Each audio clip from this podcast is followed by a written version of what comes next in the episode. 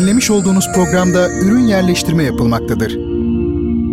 Bertan Rona ile Duyuşlar Müzik, sanat, edebiyat, dil, kültür ve hayat üzerine duymak istediğiniz her şey bu programda. Bertan Rona ile Duyuşlar her çarşamba saat 22'de Samsun'un Gerçek Radyosu'nda. Bertan Rona ile Duyuşlar başlıyor.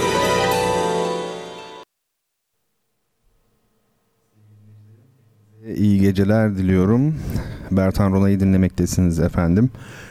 Bir hafta geçti ve yine beraberiz. Bir çarşamba gecesi saat 22'de. Ee, bu programda bildiğiniz üzere genellikle sanat ağırlıklı, edebiyat ağırlıklı, müzik, bazen tiyatro, e, felsefe, sosyoloji gibi e, konulardan bahsediyoruz. Ya da şöyle diyelim, e, bahsettiğimiz konular e, bunlarla ilgili oluyor, bu alanlarda oluyor genellikle. Bu tamamen benden kaynaklanan bir durumdur efendim. Bulaşıcı olabilir zaman zaman. Bilginiz olsun. Şimdi önce anonsumuzu yapalım. Yapılması gereken anonsları daha doğrusu. Ee, Bertan Rona olarak hem Twitter'da hem de Instagram'da bulunmaktayım. Ee, bu programda üzerine konuşacağımız, konuştuğumuz bazı kitapları, bazı insanları Instagram'a da yüklüyorum fotoğraf olarak. Oradan takip edebiliyorsunuz. Twitter'da da aynı şekilde paylaşıyorum. Ee, sorularınız için e, tabii ki Twitter kullanabilirsiniz. Aynı zamanda bertanrona.gmail.com adresinden de bana ulaşabiliyorsunuz. Oradan yazabiliyorsunuz. Hafta içi zaman zaman yazanlar e, oluyor. Bazen fazla bazen az ama oluyor. E, bu programda bir sorumuz olacak her hafta olduğu gibi ama bu defa güzel bir kitap e, hediye edeceğiz. Daha evvel de güzel kitaplar hediye ediyorduk tabi ama geçen hafta sizlerle paylaşmıştım. Artık bu konuda bir bütçem var ve e, biraz daha kapsamlı, daha güzel kitaplar hediye edebileceğim size. Çocuk gibi seviniyorum ama e, çocuk gibi sevinmem tamamen sizin için. Çünkü size hediye ediyoruz e, kitapları. E, şimdi güzel Turgenev'in Babalar ve Oğullar adlı meşhur romanı vardır bilirsiniz. E, Türkiye İş Bankası Kültür Yayınları'ndan çıkmış olan baskısını e, bu programın içinde bir noktada soracağım soruya ilk doğru cevap veren kişiye e, göndereceğiz efendim. Mesele budur. Soru her an karşınıza çıkabilir. Peki şimdi e, iki değerli dinleyicim Abdullah Turgut Bey ve Mehmet Emin Dandin Bey. E, onlar bana birer soru sormuşlardı. Cevaplamamı istemişlerdi. Şimdi öncelikle her ikisine de bir duyurum var e, Abdullah Bey'in kitabı gönderilmedi. Şundan dolayı arkadaşlar e, adres farklı isimde kitabın içindeki imza farklı isimle olunca tereddüt etmişler acaba yanlış mı diye göndermemişler ama ben şimdi tabii e, yanlış olmadığını söyledim. Zannediyorum hemen yarın gönderirler. Abdullah Bey için de bu duyurum. Mehmet Emin Bey için de e, duyurum şu kitabınız dün ya da önceki gün kargoya verilmiş. E, zannediyorum yarın e, elinize geçer. Şimdi sorulara bir bakalım. E, Abdullah Turgut'un sorusu. Abdullah Bey diyor ki e, zamanın sürekli yenilendiğini ancak yeni yılla senede bir fark etmek de büyük bir gaflet olsa gerek. Yani evet, zamanın sürekli yenilendiğini ancak yeni yılla ve senede bir defa fark etmek büyük bir gaflet olsa gerek. Yeni yıl eski yıl diye bir şey söz konusu olabilir mi hocam? Zaman eskir mi demiş. E, tabii e, zor bir soru aslında. Şöyle e, diyelim buna. Şimdi e, in, insan tabii çok e, ilginç özellikleri olan bir varlık. Anlamak için, herhangi bir şeyi anlamak için mutlaka sınırlama ihtiyacı duyuyor. Yani insan sınırlamadan anlayamıyor. Bunu defaatle konuşmuştuk yani kavram ne demektir, rakursi ne demektir, sınırlamak ne demektir? Definition finis yani finalle ilgisi sınırla ilgisi nedir filan falan. Bunları hep konuştuk. Girmeyeceğim şimdi bunlara tekrar. Ama şunu bilelim. İnsan sınırlamadan bölmeden parçalamadan anlayamıyor e, sadece sınırlamak değil sınırladıktan sonra da belirlemek istiyor. E, yani bir kontekst içerisinden o büyük parçayı yani bütünün içerisinden parçayı koparıyor, sınırlıyor. Sonra da onun kendi içinde hareketli olmasını da istemiyor. Bir belirliyor, durağanlaştırmak istiyor. Bir de at koymak istiyor. Bu insanın yapısında var olan bir şey. Böyle de olması gerekir. Bilim tarihi, felsefe tarihi böyle ilerlemiştir. Şimdi mesela 1453 Te işte Türklerin e, İstanbul'u o zamanki adıyla Konstantinopolis'i fethiyle Orta Çağ sona erdi e, denildiğinde bu bir önerme. E, biz o gün yani 29 Mayıs ta Orta Çağ'ın birdenbire bitip e, yeni çağın başlamış olduğunu söylüyoruz aslında orta çağı kapatmış oluyorsunuz. Ama tabii ki bu mümkün değil böyle bir şey. Değil mi? O bir sembolik olay aslında. Sadece bu değişikliği belirlemek üzere seçilmiş. Ya da mesela 18 yaşını doldurduğunuzda reşit oluyorsunuz. Ama bir gün evvel değilsiniz. Oysa arada çok büyük bir fark yok 24 saatte baktığınızda ama sonuçta bir adının konması lazım. Belirlenmesi lazım bazı şeylerin. Tabii şimdi sorunun şu boyutu var yani Abdullah Bey'in sorusunun. Zaman nedir? Bu soru e, Bertan Rona'nın omuzlarına ağır gelir çünkü herkesin omuzlarına ağır gelir. Yani tarih boyunca o kadar çok felsefeci bu soruyla boğuşmuş ve cevabını verememiş ki ya da dahiyane bir şekilde vermişler. Mesela Agustinus ne demiş? E, zaman çok enteresan bir şey demiş. Ne olduğunu sorarsanız bilmiyorum. Ama sormazsanız biliyorum demiş. Cevabın güzelliğine bakar mısınız? Harika. Tabi e, Agustinus aslında felsefe tarihinde zamanla ilgili belki de ilk ciddi çözümlemeyi yapmış olan kişi. Ee, ona göre geçmiş zaten şu an yaşamadığımız bir şey. Yani geçmiş diye bir şey yok aslında reel olarak. E, gelecek zaten yok yaşanmadı. Bir tek şu an kalıyor. E, an bir nokta gibi yani boyutları olmayan bir hiçlik aslında diyor. Tabii o döngüsel, dairesel tarih anlayışına karşı çizgisel bir tarih anlayışını ilk defa ortaya koyan kişi e, yani kıyamete belli bir istikamete doğru giden tarih çizgisel. Daha belki devirlerde biliyorsunuz hep dönüp duran bir tarih anlayışı var. E, yani diyeceğim zamanın ne olduğu son derece tartışmalı. Bilimsel açıdan bakarsanız maddenin hareketidir zaman. E, Einstein buna tabii çok farklı boyutlar kazandırdı görelilikle birlikte. Yani hızın artması bununla birlikte zamanın azalması yani burada bir korelasyon olduğunu ortaya koydu. E, dine baktığınız zaman ne diyor? Zaman mahluktur, yaratılmıştır diyor. Bir yanılsamadır. Yani zaman aslında diyor yaratılmış olanlar içindir. Kainat için vardır, evren için vardır. Yani Allah için zaman yoktur. Bu da dinin e, söylediği. Şimdi sorudaki e, mesele yani yeni yıl eski yıl olur mu olmaz mı? Bu açılardan baktığımızda teorik olarak tabii ki yeni yıl eski yıl diye bir şey olmaması gerekir. Ama pratikte vardır. Teoriyle pratiğin dengesini sağlayabilmek her konuda zaten asıl meselelerden biri. E, pratikte dediğim gibi şey olur. E, yeni yıl eski yıl diye bir şey bal gibi de olur. Bu arabayı geçen sene mi aldın dersen işte var. Ama bakın şimdi çok önemli bir şey söyleyeceğim. E, biz e, tamam pratikte var diyoruz ama pratikte de çoğu zaman Aristo etkisindeyizdir. Yani mesela e, gerçekte bir şey hem yeni hem eski olabilir mi diye sorduğumda çoğu kişi hayır der. Yani eskisi oysa ki öyle değildir. Ee, mesela bir şey bize göre ya böyledir ya şöyledir. Biz öyle deriz. Böyle düşünme eğilimindeyiz. Ee, oysa bir şey Aristo mantığına e, ters bir biçimde hem böyle aynı anda şöyle de olabilir. Yani mesela bir örnek verelim bu şöylelerden böylelerden kurtulmak için. Mesela bir yer, bir yeri ölçmeniz istendi sizden. Elinizde şey yok. E, mezuro yok yani. E, ne yaptınız? Ayakla ölçeyim dediniz. E, ölçtünüz 7 ayak işte bir de 3 parmak attım tamamen. Sonra bir yerden mezuro buldunuz. Bir süre sonra ölçü buldunuz. Bu defa bir ölçtüm işte yine atıyorum 116 santimetre çıktı. Şimdi önceki yanlış mı?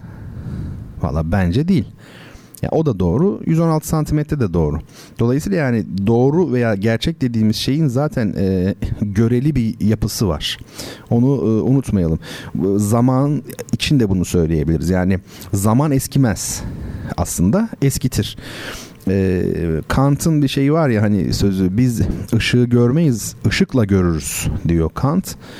Zaman da bence buna benziyor. Yani zaman geçiyor deriz ama aslında zaman kalır.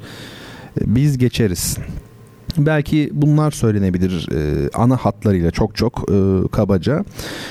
E, Mehmet Emin Bey'in de bir sorusu vardı. Aslında bu sorular geçen haftadan sorular. E, bir e, metin bana e, göndermişti şeyden Twitter'dan Mehmet Emin Bey. O metinde Nurullah Ataç'ın galiba değil mi bir e, kitabı. Orada e, şiirle ilgili bir takım düşünceler var. Bakalım neymiş bu düşünceler. Hepimiz biliriz. Ya kendimiz düşünmüşüzdür ya bir yerde okumuşuzdur. Kurallara uymak şaire bir takım şeyler buldurtur. Bir şiirde uyak, kafiye hatırı için yazılmış mısra o şiirin en güzel mısrağı olabilir. Bakın Hamdi Tanpınar bunu nasıl söylüyor? Kaldı ki eski retorik kaidesi dediğimiz ve hatta benim mısralarımla konuşurken taraftarı olmaktan mahcup olduğum şeyler yani şu vezin ve kafiye ve onların etrafında ferdi olarak kendi kendimize kurduğumuz icaplar düşüncenin tesadüflerini zorlamakta büyük yardımcıdırlar.'' Burada bitiyor Hamdi Tanpınar'ın alıntısı, o, o, daha onun sözleri. Her sözü okur okumaz anlamak isteyenlerden değilim. Bilirim çabuk çabuk kavranmayacak düşünceler vardır. Okurdan da bir emek beklerler ama ben bir sözün anlamını çözmek için uzun uzun uğraşırım da sonra 40 yıldır bildiğim hala da su götürür bir düşünceyle karşılaşırsam ne yaparım? Emeğimi esirgemeyeyim ama sonra da bir şey öğrenmiş olayım. Yahya Kemal söyleyeceği bir şiir olduğu için onu gündelik dille söylemekten kaçınmadı. Böyle karma karışık yazanlar ise düşündüklerinin, söyleyeceklerinin ahım şahım bir şey olmadığını biliyorlar. Onu süsler püslerlerse değerlendireceklerini sanıyorlar. Yani kısacası okuru kandırmaya kalkıyorlar. O zamanki söyleyişle kandırmaya yumuşak G var orada. Evet şey böyle e, pasaj böyle yani mesele e, biraz gösterişli işte efendim süslü bir dil kullanımıyla onun içeriği arasındaki münasebet e, hadisesi. Şimdi öncelikle şunu söyleyeyim ben kuralların sanatta kuralların tesadüfen oluşmadığını biliyorum düşünüyorum değil biliyorum Orada yüzyılların gerekleri var.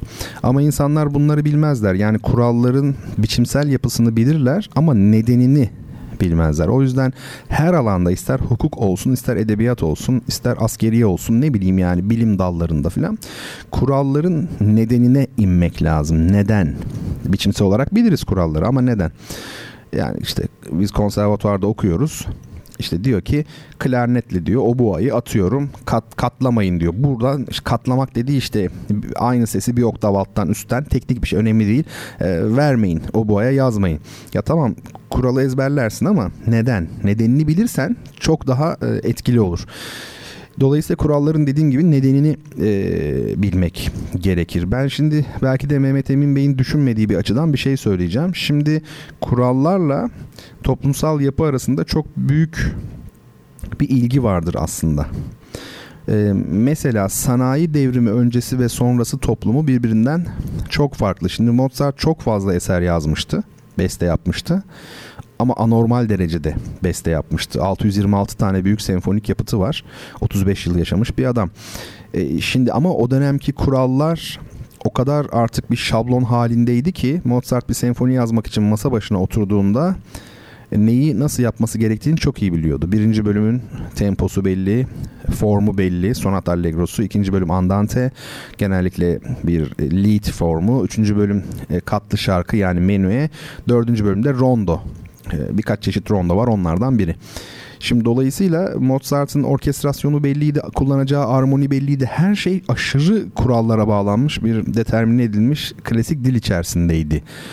E neden? Çünkü o dönemde sanayi devrimi henüz gerçekleşmemiş olduğu için endüstriyel kopyalama meselesi söz konusu değil. O olgu yok. Yani ne demek bu? Şimdi siz e, bir e, plağı mesela kopyalıyorsunuz, çoğaltıyorsunuz. Artık bütün evlerde o çalıyor. Ama o dönemde kayıt teknolojisi yok. Her evde müzik e, olması lazım. E, bestecilerin sürekli yazması lazım. Dolayısıyla bu kadar çok e, sıkı kurallar olacak ki besteci çok eser verebilsin. İşte buyurun size kural. Ee, mesela bizim divan edebiyatımız son derece sanatlıdır, kurallıdır, mazmunları bellidir değil mi? E, sebepleri var. Yani o seri üretim ile ilgili yönleri de var yani onu demek istiyorum. Başka açılardan da bakılabilir tabii de. Şimdi şunu söyleyeyim. Çok böyle klasik bilindik kafiyeli, efendime söyleyeyim ölçülü bir şiir söz konusu olabilir. Ya da çok böyle modern bir dille yazılmış bir e, şiirle karşı karşıya olabiliriz. Ben buralarda aramıyorum e, gerçek şiiri. Yani her ikisinde de gerçek şiiriyet var olabilir. Şimdi bu mesela diyelim ki e, modern şiir kötü olduğu zaman insanlar hemen şöyle deme eğilimindeler. Yani işte ya işte modern ya baksana rezalet kötü. E, burada bir terslik var bu düşüncede. Terslik şurada. Evet modern ve kötü ama modern olduğu için kötü değil. Yani her modern eser kötü olacak diye bir şey yok. E, o eser kötü. Fakat biz o şansı vermiyoruz. Modern diye hemen damgalıyoruz. Eski şiirlerden biri çok ilgimizi çekmediğinde onun için şöyle düşünmüyoruz. Yani ha eski şiir, eski dille yazılmış o yüzden kötü falan demiyoruz. O bakımdan şunu bilmek lazım. Hem e, modern ve türevleri hem de e, eski olan her şey, modern öncesi olan her şey e, iyi de olabilir, kötü de olabilir. E, mesela Edip Cansever'le ilgili bir anekdot anlatılır. Umarım yanlış hatırlamıyorumdur. Orhan Seyfi Orhon mu işte o dönemin bir önemli şairine gidiyor Edip Cansever gençliğinde. İşte karalamalarını götürüyor yani yazdıklarını falan. E, Orhan Seyfi okuyor, okuyor, okuyor, okuyor, okuyor hepsini. Edip Cansever de bekliyor orada. E, Orhan Seyfi Orhon diyor ki evladım diyor sen gerçek bir dahisin diyor. Su katılmamış. Tabii Edip Cansever çok mutlu oluyor. Ama sonra Orhan Seyfi Orhan bir şey ekliyor. Ama ufak bir sorun var diyor. Bunların hiçbir bu yazdıkların hiçbir şiir değil diyor. Şimdi işte niye şiir değil? Çünkü yeni bir şey. Yani o ne peki? O sadece Edip Cansever. Onun bir adı da yok aslında. Yani ona has bir şey. Ve düşünün yani Orhan Seyfi Orhon'un şiir tanımının dışına çıkacak kadar değişik bir dili var. Ama o yarattığı dilde olağanüstü. Yani kendi kuralını koymuş ve olağanüstü bir şey e, ortaya koymuş. E, bunu e, unutmayalım. Yani her iki tarzda da dediğim gibi iyi olabilir, kötü olabilir. Asıl olan formdan ziyade kompozisyondur. Tabii genç şairler arasında vardır böyle e, yani aşırı biçimsel zorlamalara giderek belki de e, yazdığını dinlenir, okunur kılmaya çalışmak, dikkat çekmeye çalışmak. Bu konuda samimiyet esastır.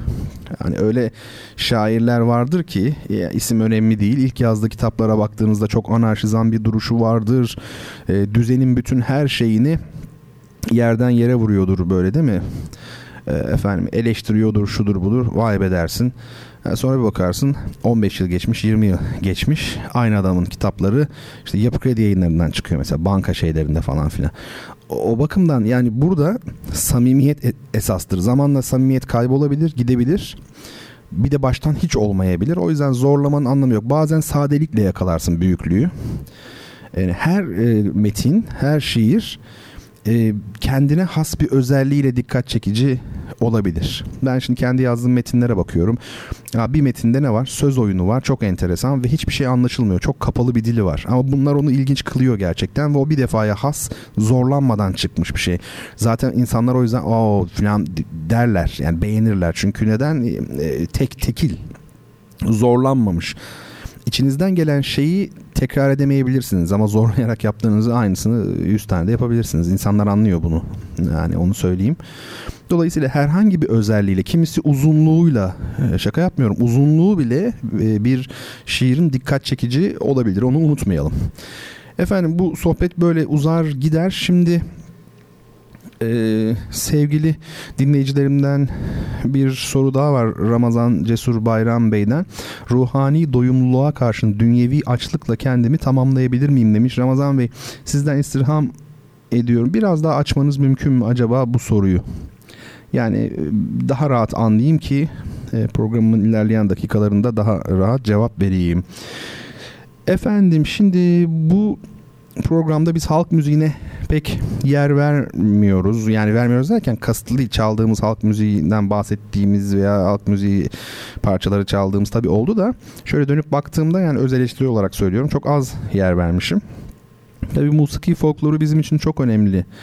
Bizim temelimiz, köklerimiz ne olursa olsun ne kadar şehirleşer, e, şehirli bir hale gelirsek, yani değişime uğrayıp e, gelirsek gelelim yine de bizim köklerimiz o.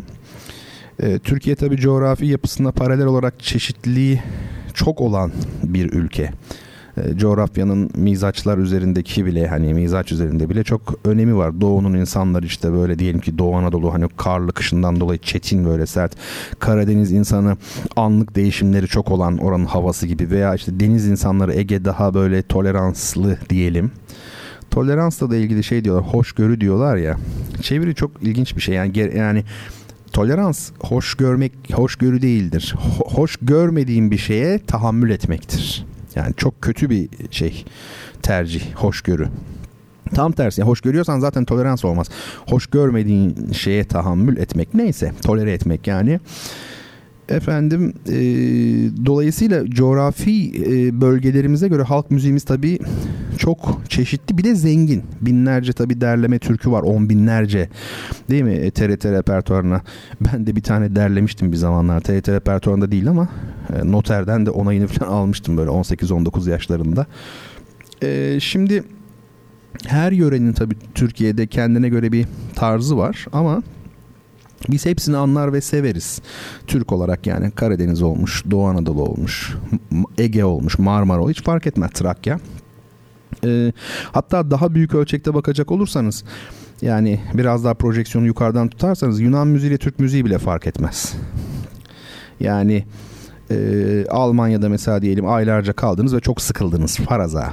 Birdenbire radyoyu bir açtınız bir Yunan müziği valla çok kötü duygulanırsınız ben size söyleyeyim. Çünkü çok benzer gerçekten bakın coğrafyayla çok ilgili.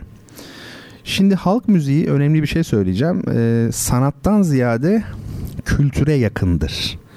Şimdi burada nasıl yani diyeceksiniz. Yani sanatla kültür farklı şeyler mi diye sorabilirsiniz. Ee, bence farklı şeylerdir. Yani şöyle geniş manada bakacak olursak kültür tabii her şeyi içerir. Yani işte atıyorum otomobil yarışları dahi o bile bir kültürdür. Yani kültürün kültür insanın ürettiği her şeydir maddi manevi. O açıdan baktığımızda tabii ki sanatta kültürün içine girer. Ama daha reel, daha gerçek düşünecek olursak sanatla kültür bence birbirine zıt şeyler. Ee, bunda tabii kızacak bir şey yok. Şöyle mesela baklava kültürü. Mesela bu bir kültürdür. Veya işte efendim ne olsun Isparta halısı o da bir kültürdür mesela. Yani folklorik bir şeydir kültür. Ama sanat e, folklorik değildir. Sanat bireyseldir. Daha tekil e, bir şeydir yani. Mesela e, Picasso'yu düşünün bir taraftan. İşte mesela o sanat oluyor veya bir senfonik müzik tek başına veya caz diyelim. Ama bir bölgeye has bir şey. Orada mesela Kabak Festivali düzenleniyor. Her attım tamamen yani. Veya işte Tel Aviv'de e, Humus Festivali. Ya bunlar kültür işte. Her bölgenin bir şeyi var. Dolayısıyla bak ne diyoruz? Musiki folkloru diyoruz. Şimdi tabii insanlar belli kavramları putlaştırdıkları için ben şimdi hani sanat değildir dediğimde o kıyamet koparan, koparacak olan, şu an belki koparan çok insan vardır eminim aslında tabii benim sanata verdiğim anlam, yüklediğim anlam ile kendi yüklediği anlamın aynı olduğunu düşünüyor. Halbuki öyle değil. Yani ben sanata çok da böyle olağanüstü bir şey de yüklemiyorum. Uzun hikayeler falan filan. Şimdi bir müzik dinleyeceğiz. Çok e, uzun gitti bu bölüm. Bu müzik şimdi Nida Tüfekçi'nin bir albümü. Ben şey olarak yükledim. Instagram'a, Twitter'dan da bakabilirsiniz. 3 tane fotoğraf. E, bunlardan bir tanesi işte bu albüm. E, sürmeli albüm bu meşhur sürmeli. E, Nida Tüfekçi çok önemli Türk e, halk musikisinin tabi ustalarından, üstadlarından biri. Çok değerli isimler. Talip Özkan, işte Nida Tüfekçi, öyle değil mi? Çekiç Ali. Yani kimler var kimler yani benim bilgimi de aşan pek çok eminim önemli isimler var. Tabii en tanınmışları.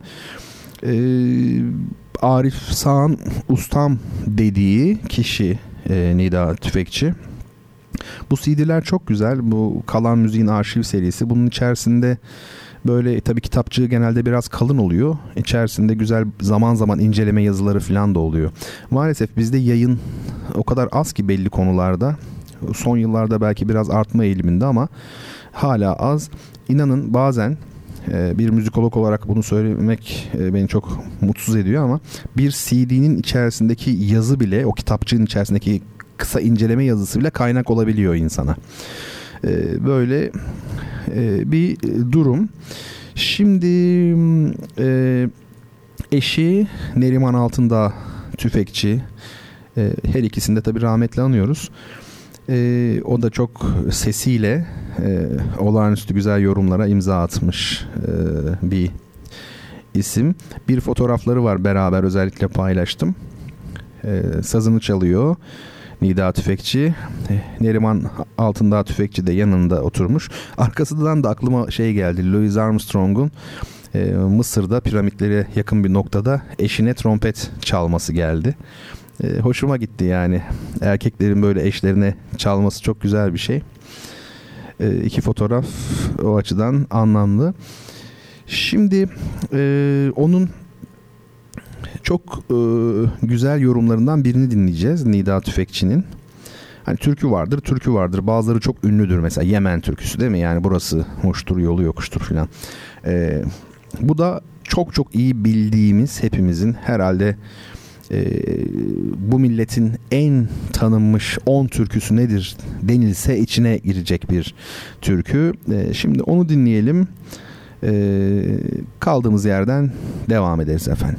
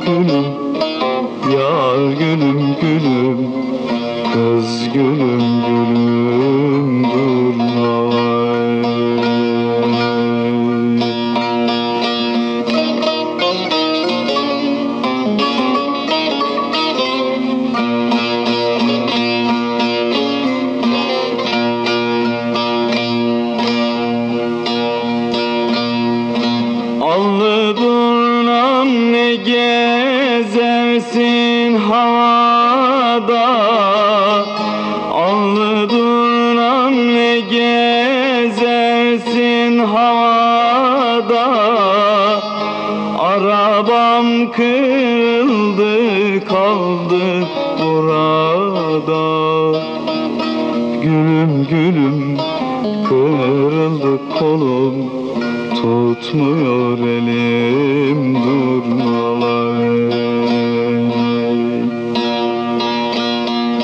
Ne onlarmış kurmuşum dünyada Akşam olsun allı durna dön geri.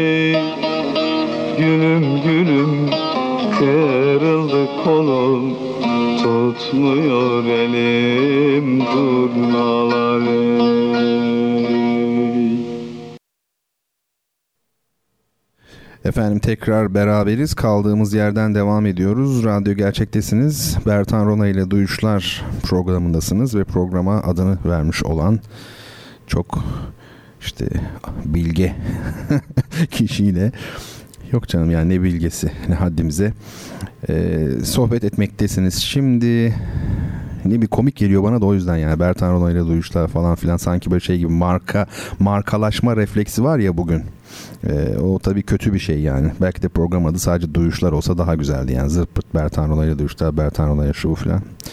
Rezalet. Şimdi e, sorular, sorular, sorular. Çok soru var. Ramazan Bey sorusunu açmış kısaca demiş ki dünyevi işlerinde sonunda ruhani alemde son bulacağı için bunun bilinciyle insan kendini fanilikten arındırıp tamamıyla bakilikle yaşayabilir mi? Bekabillah ee, teşekkür ederim iyi geceler demiş size de iyi geceler efendim. Ya bu teorik olarak mümkündür. Teorik olarak diyorum. Neden teorik olarak? Yani her baba idin harcı olmadığı için. Tabi bu e, sadece İslam dini açısından değil pek çok e, doktrinde, dinde var bu uzak doğuda da var değil mi? E, Budizm'de, Konfüçyüs dininde yani nirvana dediğiniz şey nedir işte veya bu Budi yani aydınlanma falan değil mi? Bu bir hedef, bir, bir nokta tasavvufta genellikle inanan herhangi birinin eğer isterse ve e, çaba sarf ederse e, neredeyse miraca yakın bir e, e, noktaya ulaşabileceği tabii kabul edilir aslında. E, burada ben şöyle düşünüyorum. Biraz e, günümüzdeki din algısı e, dünyada e, tabi Suudi Arabistan falan saymıyorum bile yani onların durumu çok vahim bence. E, genellikle e, şey gibi bu toprakları, bu hayatı, kökleri, bedeni, fizik alemi tamamen yok sayan sanki herkes melekmiş gibi.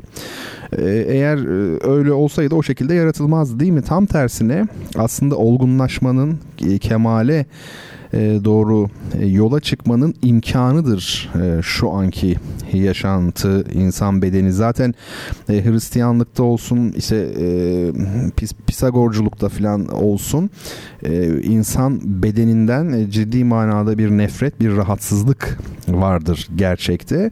Bence hani tarafsız bir gözle konuş bu konuda deselerdi İslam dininin farkın yani çok farkı var diğer dinlerden birinin bu olduğunu söylerdim. Yani insan bedeniyle insanın dünya hayatıyla, fizik gereklerle yani hakikate saygı duyarak, hürmet ederek algılanması, bununla barışık bir şekilde yaşanması olduğunu söylerdim. O bakımdan yani insan tabii ki baki bu manada olabilir. inancı o yöndeyse olabilir. Ama bunu imkanı aslında içinde bulunduğu koşullardadır. Yani madde bedendedir. Zaten madde bedeni olmasaydı dediğim gibi o tür bir e, kemal çabası değil mi? O tür bir ilerleme e, söz konusu e, olamazdı. Onu söyleyeyim. Daha da şeyden hani vahdeti vücut gibi yani tasavvuf e, açısından daha da bakılabilir. O açıdan baktığımızda e, bunların da ötesinde başka şeyler söylenebilir tabii ki. Yani ne söylenebilir? E, zaten ortada baki olacak ya da hani fani olacak bir şey yok. İkisi de aynı şey. Yani çünkü Allah'tan başkasına bir vücut verilmediği için e, tasavvufta özellikle vahdeti vücut doktrininde. Dolayısıyla baki olacak bir şey de yok, e, fani olacak bir şey de yok. E, Abdülkerim Cili'nin bir Nefsin Mertebeleri adlı bir şeyi var.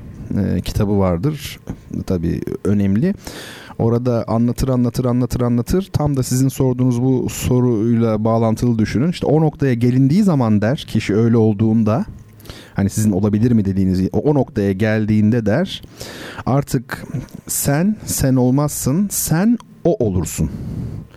Aslında sen o da olmazsın. Sadece o o olur.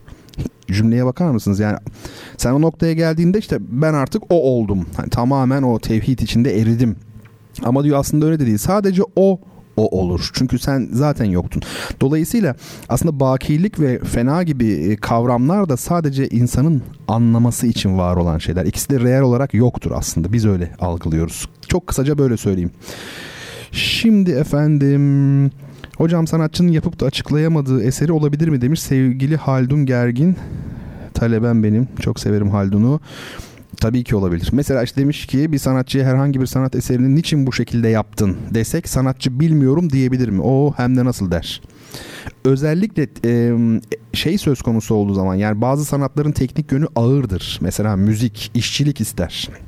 Koca bir senfoni yazıyorsun yani bileceksin o işleri. Ama mesela şiir hele de lirik şiir söz konusuysa orada tabii esin çok önemli.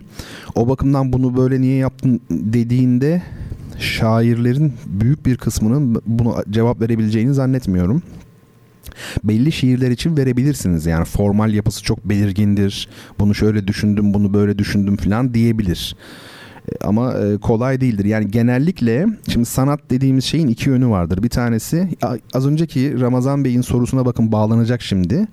Sanat tinsel boyutu olan bir şey. Amenna. Ama dikkat edin. O aynı insan gibi o tinsel boyutu ifade edebileceğiniz maddi bir varlık lazım size. Çünkü bu dünyadasınız.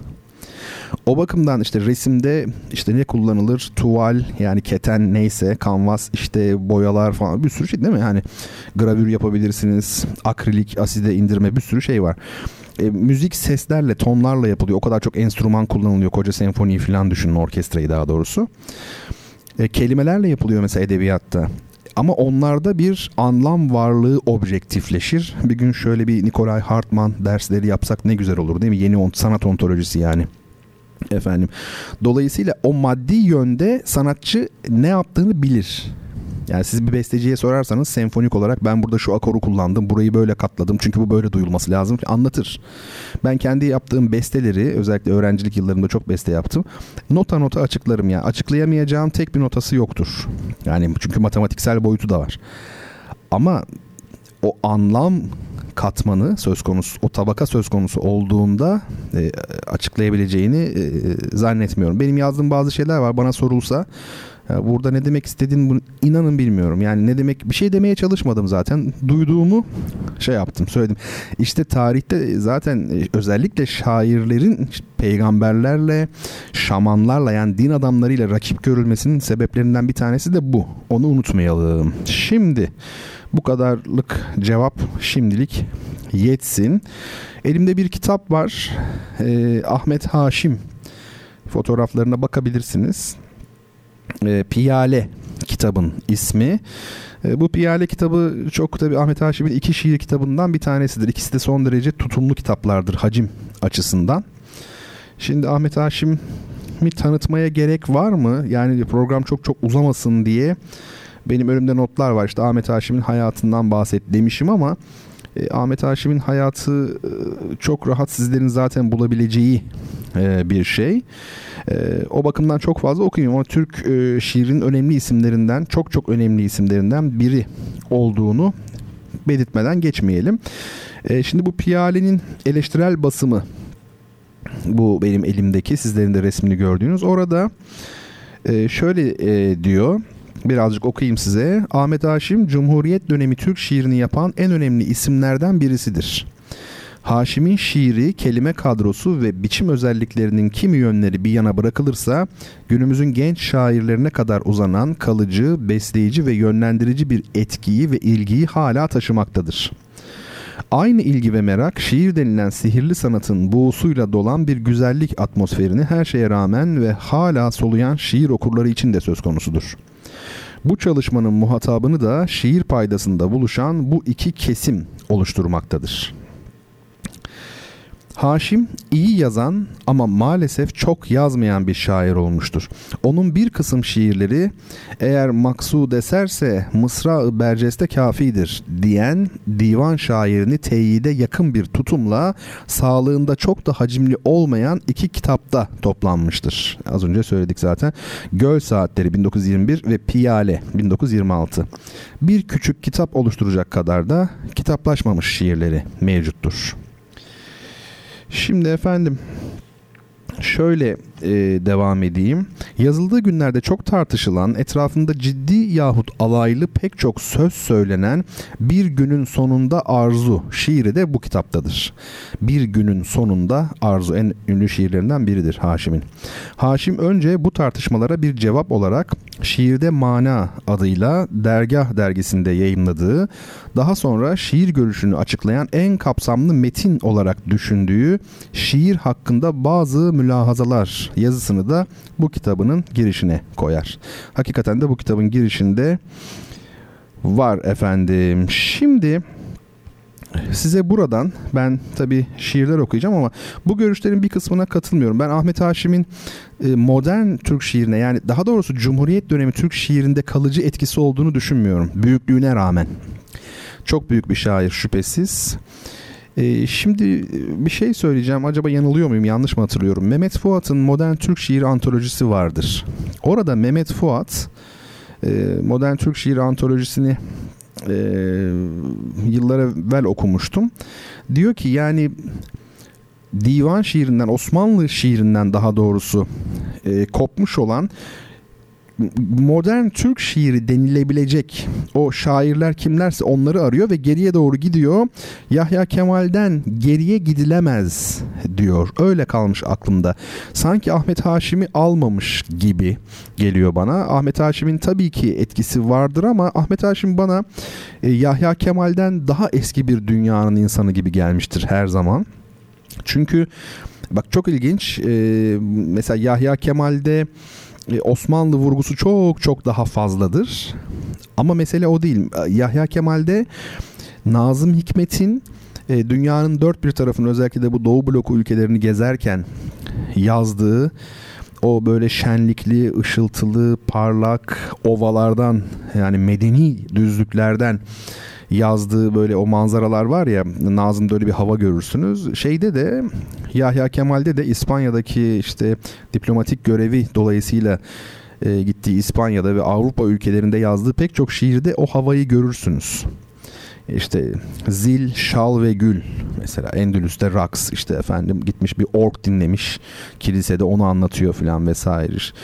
E, oysa e, Ahmet Haşim'de e, bu tarz toplumsal göndermeler de yok. Çok bireysel ve o bakımdan ben e, Ahmet Haşim'in e, daha az modernist olduğunu düşünüyorum. E, belki de yanılıyorum bilmiyorum. Yani düşüncelerim bu yönde. Şimdi size Ahmet Haşim'den e, dört tane şiir okuyacağım yanlış duymadınız. Dört neden dört? Çünkü şey biraz bunlar dörtlük gibi zaten. Son derece kısa şiirler. Birincisi dörtlük değil ama diğerleri öyle. Mukaddime ilk şiir. Zannetme ki güldür ne de lale, ateş doludur tutma yanarsın karşında şu gülgün piyale. İçmişti Fuzuli bu alevden, düşmüştü bu iksir ile Mecnun, şiirin sana anlattığı hale. Yanmakta bu sagardan içenler, Doldurmuş onun için şebi aşkı baştan başa efkan ile nale. Ateş doludur tutma yanarsın karşında şu gülgün piyale. Evet kitaba ismini veren şiir zaten bu. Şimdi Sonbahar adlı bir dörtlük. Bunları tanırsınız mutlaka. Türk Edebiyatı'nın çok önemli şiirleri bunlar. Sonbahar. Bir taraf bahçe, bir taraf dere, Gel uzan sevgilim benimle yere. Suyu yakuta döndüren bu hazan bizi gark eyliyor düşüncelere. Bir başka şiir. Yarı yol. Nasıl istersen öyle dinle. Bakın dalların zirvesindeyiz ancak yarı yoldan ziyade yerden uzak, yarı yoldan ziyade maha yakın. Bu çok ünlü bir şiir tabii. Ve bir şiir daha, bir dörtlük daha okuyayım. Orman. Su değil, mevsimin havası akan. Duyduğun yaprağın dalın sesidir. Suda yıldızların parıltısıdır. Bu karanlıkta bazı bazı çakan. Fark etmişsinizdir bunlar zaten müzik gibi şiirler. Yani bugünkü bir modern şairin Hatta biraz daha gerilere gidelim işte bir Edip Cansever'in, e, Cemal Süreyya'nın yazdığı, yazabileceği türde şiirler değil. Yani yazmak isteyeceği tarzda şiirler değil. Başka bir dünya dedim ya. Salt bir müzik var ki zaten işte bu sembolizm meselelerine Ahmet Haşin'le ilgili olarak birazcık geliriz, değiniriz. Şimdilik bu kadar olsun. Bir kitap tanıtacağım size. Orada zannediyorum yine fotoğrafı vardır paylaştım ben. E, dünden bugüne tiyatro düşüncesi e, rahmetli Sevda Şener hocamızın e, kitabı yeri doldurulamayacak bir isim kendisi. E, kitap da öyle elinizdeki kitap da benim elimdeki sizin ekranınızdaki kitap da öyle. Ben Sevda Şener hocayı şöyle kısaca tanıtacağım. 2014'te kaybettik maalesef hatırlarsınız. İlk öğrenimini Anadolu'nun çeşitli il ve ilçelerindeki devlet okullarında, orta öğrenimini Ankara Marif Koleji ve Eskişehir Lisesi'nde gördü. 1950 yılında Ankara Üniversitesi Dil Tarih Coğrafya Fakültesi İngiliz Dili ve Edebiyatı kürsüsünden mezun oldu. 58'de aynı fakültede o yıl açılan Tiyatro Enstitüsü'nün ilk asistanı olarak akademik kariyerine başladı.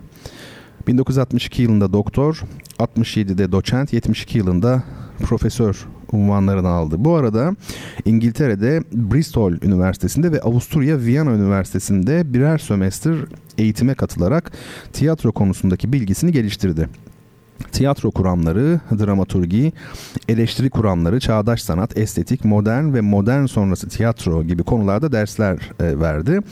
76-81 ve 85-93 yılları arasında Dil Tarih Coğrafya Fakültesi Tiyatro Bölümü Başkanı olarak görev yaptı ve çeşitli başka üniversitelerde tiyatro dersleri verdi. Sevda Şener, Avni Dilligil Jüri Özel Ödülüne, Tiyatro ve Televizyon Yazarları Derneği Hizmet Ödülüne, İtalya'da Adelaide Ristori Ödülüne, Kültür Bakanlığı Tiyatro Eleştiri İnceleme ve Araştırma Ödülüne, Nisa Serezli Tiyatroda Yılın Kadını Ödülüne layık görüldü. Sevda Şener 60'lı yıllardan bu yana çeşitli dergilerde eleştiri ve inceleme yazıları yazmaktadır. Uluslararası Tiyatro Enstitüsü Türkiye Milli Merkezi, Tiyatro Eleştirmenleri Derneği, Felsefe Kurumu, Dil Derneği, Edebiyatçılar Derneği üyesiydi. Yukarıda yazmaktadır demişler. O cümleyi değiştirmeleri lazımdı. Yazmaktaydı demeleri lazımdı. Neyse. Ee, bakın eserleri de şunlar. Ee, Sevda Hoca'nın Musahipzade Celal ve tiyatrosu, Çağdaş Türk tiyatrosunda ahlak, ekonomi, kültür sorunları, Çağdaş Türk tiyatrosunda insan, oyundan düşünceye, yaşamın kırılma noktasında dram sanatı, oyunlar ve gerçekler. Bunlar çok değerli e, kitapları.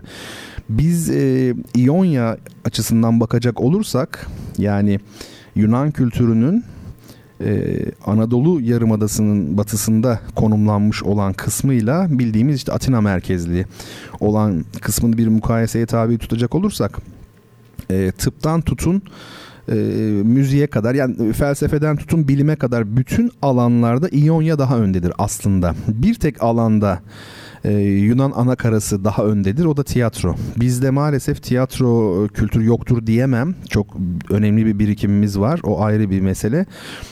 Yani insanların e, tiyatroyu anlamaları toplum geneline yayılma açısından maalesef bizde e, oldukça zayıf. Ondan e, bahsedeyim.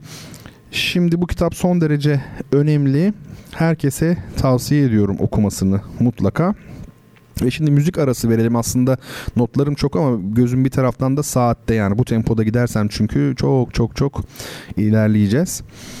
Ee, sorumuz da gelecek onu söyleyeyim. Tabi sizlerin soruları da geliyor zaman zaman. Ee, Mesture e, isminiz mi bilmiyorum. Mesture Hanım diyelim biz şimdi. Mesture isim mi onu da tam olarak bilmiyorum. Bir dinleyicim, e, saygıdeğer dinleyicim şöyle demiş. Bir ideoloji, düşünce, insan, şehir ya da her ne olursa hiçbir şeye ait olamama hissinin yani genel olarak hayatta olmanın bir yerini yadırgamışlık hali içermesi durumunun bulunduğumuz zamanla bir ilgisi olduğunu düşünüyor musunuz? Ya da bu bir sorun olarak görülmeli mi? Şimdi tabii ki bulunduğumuz zamanla ilgisi var. Ee, ama şöyle bizden 2500 yıl önce Herodot bile ben dünya vatandaşıyım diyordu. Antik Yunan e, felsefesinin bazı ekollerinde e, dünya vatandaşlığı kavramı vardır. Kozmopolitlik vardır. Tabii şehirleşme arttıkça e, hele hele bugün bu uzay teknolojisi falan yani bütün dünya e, insanların elinin altında yani. Sürekli seyahat ediyor adam Kanada'ya gidiyor bilmem nereye gidiyor. Bütün dünya bir Japonya'da bir Avustralya'da E, böyle bir durumda artık tabii ben bir kitapta okumuştum. Milliyetçilik taşralılıktır diyordu. Bakın düşünebiliyor musunuz? Cümleye dikkat edin. Ee, yani tabii ki bu kadar çok gezdiğinizde farklı kültürlerle bir arada olduğunuzda kendinizi herhangi bir yere yani gerek milli olsun hatta dini bile olabilir e, şehir açısından olsun e, dil açısından olsun ait hissetmemeye başlarsınız. Ben kendi hayatımda e, böyle insanlar çok tanıdım mesleğim dolayısıyla yani. E, atıyorum işte bir piyanist düşünün her hafta bir yerde konser veriyor. Bir bilmem nerede, bir bilmem nerede. E, Almanya'da okumuş, Fransa'da yaşıyor. Amerika'da her yıl bilmem kaç tane konser veriyor. Yani İngilizce, Almanca, Fransızca biliyor. E, eşi Hristiyan, kendi hani Türk piyanist olsa mesela kendi Müslüman. E, ondan sonra görmediği yer yok. Afrika'da bilmem kaç tane konser veriyor her yıl. E şimdi bu adamın e, aidiyet duygusuyla işte Niğde'nin bilmem ne ilçesindeki bir kişininki bir olmayacaktır. Doğal olarak bu böyledir. E, o bakımdan yaşam koşullarıyla e, çok çok e, ilgili bir şey. Bu kaçınılmaz bir şey. Yani mutlaka o yöne gidilecek yani. Tarih öyle akıyor. Yani nehir geri akıtamazsınız. Mutlaka e, böyle olacaktır. Biz ne kadar karşı koymaya çalışırsak çalışalım. Bence karşı koymak yerine o, o yeni hal içerisinde nasıl daha dengeli, daha mutlu yaşarız. Yani o onun panzehiri nedir? Onu aramaya başlasak şimdiden e, daha iyi olur. E, kanaatim benim. E, bu yönde şuursuz öğretmen demiş ki bulunduğumuz zaman ve insan faktörü. Az öncekine yönelik herhalde değil mi soruya? Şimdi bir müziği dinleyeceğiz. Önce şöyle söyleyeyim. Necil Kazım Akses Türk Beşleri olarak adlandırılan bizim Cumhuriyet'in ilk kuşak bestecilerinden biridir. Yani o beş besteciden biri bizim hocalarımızın hocası olan kuşak. Kim onlar? Cemal Reşit Rey, Ulvi Cemal Erkin, Ahmet Adnan Saygun, Hasan Ferit Alnar ve Necil Kazım Akses. En son vefat eden Akses'ti. 1999 yılında vefat etti. Ben o zaman İzmir Devlet Konservatuvarı'nda hem hoca hem öğrenciydim. Maalesef e, cenaze merasimine gidemedim. Çok istemiştim halbuki. E, 6 tane yanlış hatırlamıyorsam senfonisi var. Necil Kazım Hoca'nın. Ee, önemli eserler yani Türk e, çok sesli müzik edebiyatı açısından önemli. E, şimdi dinleyeceğimiz eser ise piyano için yazdığı bir eser. Uzunca bir müzik. Yani şöyle piyano için yazdığı bir defter var. Necil Kazım Hoca'nın e, Minyatürler ismi. Adından da anlaşılacağı gibi küçük küçük parçalardan oluşuyor.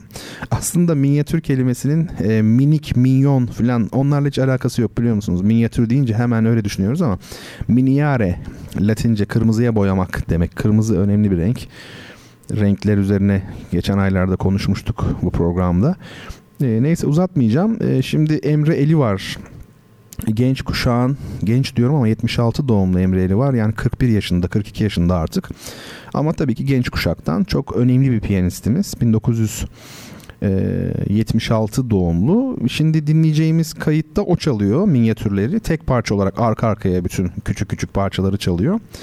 E, bu Hannover'de Almanya'da bakın bu da Almanya değil mi? E, Hannover'de kaydedilmiş. Cordaria tarafından kaydedilmiş. 1999 kaydı ama müziğe geçmeden evvel müziği duyurdum şimdi. Sorumu sorayım sürpriz olsun. Genellikle programın 3. bölümünde soruyorduk soruları ama bugün de böyle oldu. Ee, sorumu sorayım cevabı Twitter üzerinden Bertan Rona hesabına yazan ilk kişiye de Babalar ve Oğullar Turgenev'in çok güzel bir e, kitap övüyormuşum kitabımızı falan ne yapayım? Çok mutluyum dediğim gibi. E, başınıza kakıyormuşum. Size bunu veriyoruz işin şakası tabii o. E, ödülümüz de budur efendim. Şimdi soru şöyle.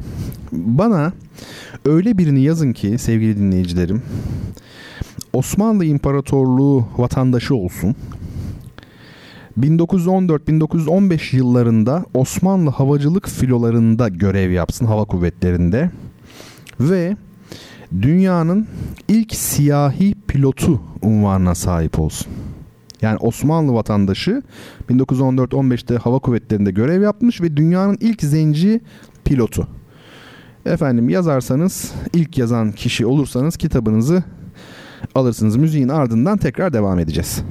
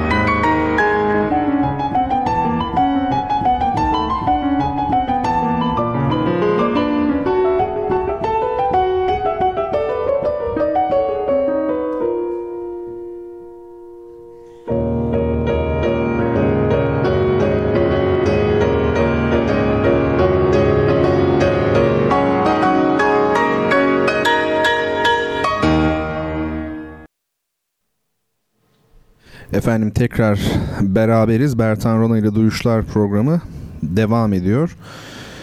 Müzik, sanat, edebiyat, değil mi? Tiyatro, e, felsefe, şimdi birazdan sosyolojik bir şeylerden bahsedeceğiz. E, bu programda bunlar var işte benle böyle sohbet ediyorsunuz. Tabii kibarlık gereği öyle söylüyorum. Aslında sohbet etmiyorsunuz. Ben konuşuyorum maalesef. Keşke hepiniz burada olsanız samimi söylüyorum. Daha sıcak olur yani. E, yüz yüze konuşulmuş olur. Siz de konuşursunuz. Tek taraflı oluyor ama radyo programı bu. Sonuçta böyle bir şey. E, umarım sıkmıyorumdur. E, ama bir de şöyle bir güzelliği var. Tabii sıkıldığı zaman insan direkt kapatabiliyor yani. O da o çok demokratik bir hak. Harika. E, şimdi soru sorduk. Sorunun cevabını e, pek çok dinleyicim sağ olsun e, yazmış. Şöyle bir bakalım. Şimdi burada enteresan bir durum var. Ramazan Bey e, İzmirli Arap Ahmet Ali Çelik demiş. E, Burcu Ece Korkmaz da Ahmet Ali Çelik'ten demiş. Şimdi bu iki cevap çok aslında ilginç biliyor musunuz? Hayat. Mesela biri çok e, şöyle söyleyeyim. Doğrusu Ahmet Ali Çelik'ten. Yani Ahmet Ali Çelik değil. Fakat Ramazan Bey'inkinde de detay var kardeşim. İzmirli Arap diyor Ahmet Ali Çelik. Lakabını da yazmış mesela değil mi? Böyle bir durum var. Şimdi burada neyi seçeceğiz? Hangisine karar vereceğiz? Sonda ten olmadığı için e, Ece'ye karar vereceğiz gibi görünüyor. Çünkü doğru cevap o Ahmet Ali Çelik'ten. Veya şöyle olabilir. Ahmet Ali Efendi de yazılsa olabilirdi. Evet, burada da aslında Milli Piyango'daki gibi teselli ikramiyesi vermek lazım. Mesela bir saniyeyle kaçırıyorsun. Mesela üstteki dinleyicim de aynı şeyi yazmış. Ahmet Ali Çelik'ten yazmış. Aşağı yukarı herkes öyle yazmış zaten ama işte böyle kaçırabiliyoruz zaman zaman. Ee, sevgili Ece'ye kitabını gönderiyoruz. Ramazan Bey'den önümüzdeki hafta artık kesin bir kitap kazanacak hamle bekliyorum. Gayet de güzel sorular soruyor bana sağ olsun. Ee, tabii bu arada ben kendimi sizin yerinize koyuyorum. Yani dinleyici olsaydım Ahmet Ali Çelik e, teni bulmakta zorlanırdım. Bir itirafta bulunayım. Doğum ve ölüm tarihlerini yazmadım. Çünkü dedim ki yani Google'a yazıldığı zaman değil mi? Pilot bir de doğum ölüm tarihi hemen e, çıkar diye düşündüm ama sizle baş edemiyorum yani mutlaka buluyorsunuz. Google'la baş edemiyorum daha doğrusu. Ya da e, hakkınızı almayayım yemeyeyim yani belki de hepiniz biliyordunuz Ahmet Ali Çelikten'le yatıp kalkıyordunuz mesela odanızda posterleri vardı falan. Peki şimdi e, Burcu Korkmaz'a kitabını göndereceğiz efendim. Birkaç soru var. Önce Selim Bey demiş ki Bertan Hocam programda vahdeti vücut konusu geçti. İlgi alanım olduğu için size İmam Rabbani Hazretlerini vahdeti şuhud görüşünde sunmak isterim. Harikasınız. Çok teşekkürler. Ne güzel materyal bu gönderdiğiniz. Ona bakacağım tabii ki program sonrasında. Tabii vahdeti şuhut da çok e, önemli ve vahdeti vücutla paralel bir şekilde ele alınan düşüncelerden, görüşlerden bir tanesi. E, mektubat tabii çok çok önemli ama orijinalinden okumak lazım. E, yani orijinalinden okunmadığı zaman ya bugün öyle bir şey ki e, şöyle söyleyeyim yani herkes e, din alimi kesilmiş durumda. Yani herkes ee, anlatabiliyor muyum? Yani böyle bu işler ciddi işler şakası olmayan şeyler. Hani ben dinler tarihine genel olarak felsefeye ve dinler tarihine ilgi duyduğum için e, tasavvufi eserleri okuyorum falan vesaire yani ben sadece bu açıdan okuyorum. Şimdi öyle insanlar var ki yani internetten ben diyor vahdeti vücut şeyindenim diyor mesela. İnternetten öğrenmiş ama ya eski yazı bilmiyor o yapıtları okumamış falan vesaire yani bir kere Arabi çok iyi derecede Arapça hani hmm, öyle konuşma Arapçası da değil yani teorik olarak okuyabilecek ciddi manada. O o da yetmez bence. İbranice bilmek kültür tarihinin pek çok kavramına hakim olmak, felsefe filan vesaire şunları bunları bilmek çok ciddi e, iş bunlar yani ama dediğim gibi internetten e, alimler, internet alimleri e, maalesef var. Şimdi çok teşekkürler materyal için. Gülsüm Hanım bir gün mektup türünden bahsedip sevdiğiniz bir mektup örneğini okumanız mümkün müdür? Aa tabii. Ee, neden olmasın çok iyi olur. Hatta bir mektup türü derken Göte'den bahsetmiştim galiba. Bir mektup kitabı tanıttık mı biz bu programda? Göte'nin seçme mektupları. Ee, oradan mektup okumadık ama tamam o zaman ben şey yapayım bunu not alayım da önümüzdeki hafta bir tane mektup okuyalım. Mesela Goethe'nin Beethoven'a yazdığı mektup var. Beethoven'ın Goethe'ye yazdığı var. Çok enteresan ikisi karşılaşıyor tanışıyorlar filan. Birbirleriyle ilgili ertesi gün yazdıkları var. Yani not defterlerine yazdığı şeyler var yazdıkları ilginç. Ben bunu bir şey yapayım Gülsüm Hanım. e, not alayım. Şimdi şöyle bir devam edelim. Sırada bir kitap var. E, ben fotoğraf olarak onu da oraya gönderdim yine Instagram'dan. E, Ahmet Ali Efendi'nin ya da Ahmet Ali Çelikten'in e, fotoğrafının ne kadar karizmatik değil mi? Şimdi tabii Ahmet Ali e, Çelikten diyoruz. O dönemde e, Avrupa'da ne var biliyor musunuz? 1910 yılında Belçika'da insanat bahçesi var. Ne demek insanat bahçesi? Bayağı pigmelerin işte Güney Afrikalı yani Sahra altı Afrika'da yaşayan e, zencilerin, e, siyahi insanların e, af buyurun yani söylemek dahi son derece çirkin bir hayvan gibi sergilendiği insanat bahçesi denilen bir olgu var. Belçika'da 1910'da bildiğim kadarıyla var. Avrupa'da da var şeyde Boston Amerika'da yani pardon. O yıllarda dünyanın ilk pilotu siyahi pilotu Osmanlı'dan çıkmış. Bu işte e, emperyal geleneğe sahip olmakla olmamak ne demek? Irkçı olmakla olmamak ne demek? Bundan daha güzel bir örnek olamaz. Ota Benga vardır meşhur bilirsiniz. Ota Benga. Onun başına gelenleri o bir pigme. Onun başına gelenleri şöyle bir internetten araştırın bir okuyun. Ee, bir de yalnız bir şey söyleyeyim. Bizim işte geçmişimiz şöyle geçmişimiz böyle sürekli tabii övünüyoruz. Ee, bizde ırkçılık hiçbir zaman olmamıştır falan. Ben o kadar emin değilim. Yani tamam olmamıştır da geçmişte acaba bugün öyle mi? Ben bugün e, tehlikeli bir gidiş olduğunu görüyorum ve toplumumuzda ırkçı bir potansiyel olduğu kanaatindeyim onu söyleyeyim. E, yani Kantar'ın topuzu çok kaçıyor geçmişi överken. Yani biz şöyleydik biz böyleydik işte ilk saati biz yaptık işte 1200 yılında ya 800 yıl olmuş tamam sen yaptın da. E, ya keş bak şöyle şöyle düşünüyorum ben bazen. E, keşke geçmişte biz e, çok kötü olsaydık da bugün iyi olsaydık. Yani sürekli geçmişe övgüler e, düzerek aslında bana öyle geliyor ki biraz da bugünkü eksikliklerimizi kapatmış oluyoruz. İşte bu hatayı yapmamak lazım yani. Geçmişe bak işte e, Fatih Sultan Mehmet'le övünüyorsun. O seninle acaba övünür müydü bugünü görse bir onu düşünelim bence asıl olan budur. Yani bu konuda Kantar'ın topun uzunu kaçırmamak lazım. Bir de daha evvel söylemiştim. Dekadans böyle e, çok gerçekten çöküntü dönemlerinde geçmişe ilgi çok artar. Ya da gelecekten hiç umudun olmadığı zamanlarda geleceğe ilgi çok artar. Tarihte bunun örnekleri çoktur. Romantizm dediğimiz akım neden Fransız devriminden sonra ortaya çıktı?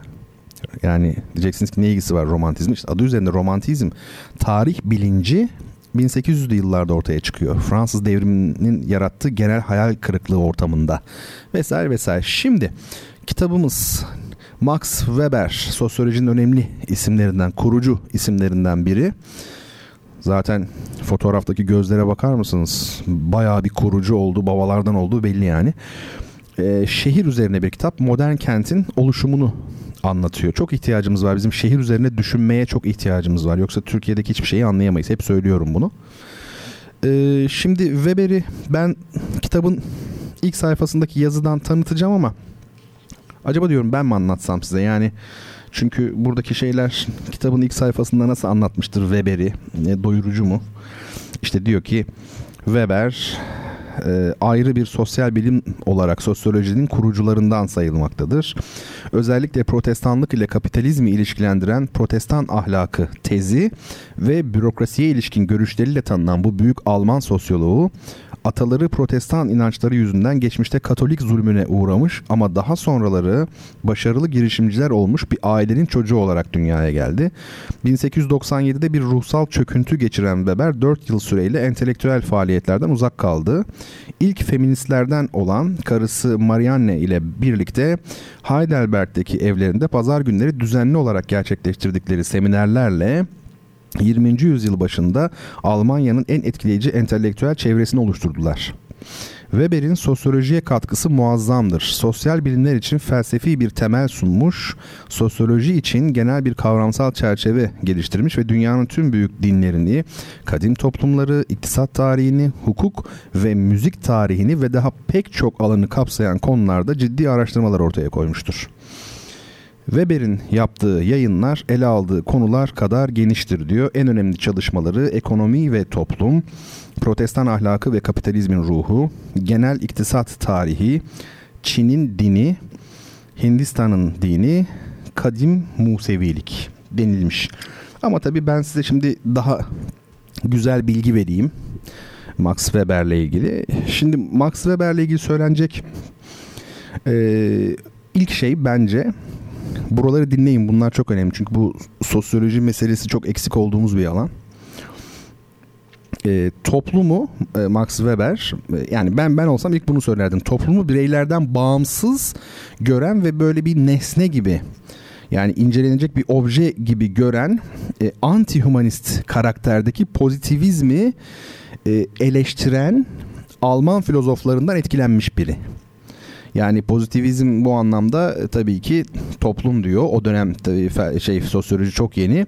Toplum dediğiniz şey diyor tıpkı işte ne olsun bir e, fizikçinin iki tane e, topu incelemesi gibi birbirine çarpan iki işte kaya parçasını atıyorum ne bileyim hacmini hesaplaması gibi toplumda bu şekilde incelenebilecek bir yapıdır deniyor o dönemde. Bunu eleştiren filozoflar var. Weber onlardan etkilendi aslında başlangıçta. E, sosyolojinin temeline e, Weber toplumun kendisinden çok böyle e, nasıl diyeyim toplumun şöyle toplumsal eylem denilen şey var ya onu bir de etkileşim kavramını koyuyor. Zaten e, bu yüzden de etkileşimcilik e, filan var yani onunla ilişkilendirilmiştir her zaman Weber. E, bunu duymuşsunuzdur belki. E, Weber'e göre öncelikle bireyin e, eyleme e, atfettiği anlamı yorumlamak gerek. Bakın burası çok önemli. O dönemdeki hiçbir e, şeyde sosyologda olmayan bir şey. Yani toplumsal bir eylem var ama birey, ona katılan birey o eyleme ne anlam atfediyor, yüklüyor. Eee yani Weber bu pozitivizmden yöntem konusunda da ayrılıyor. Hem sistem hem yöntem.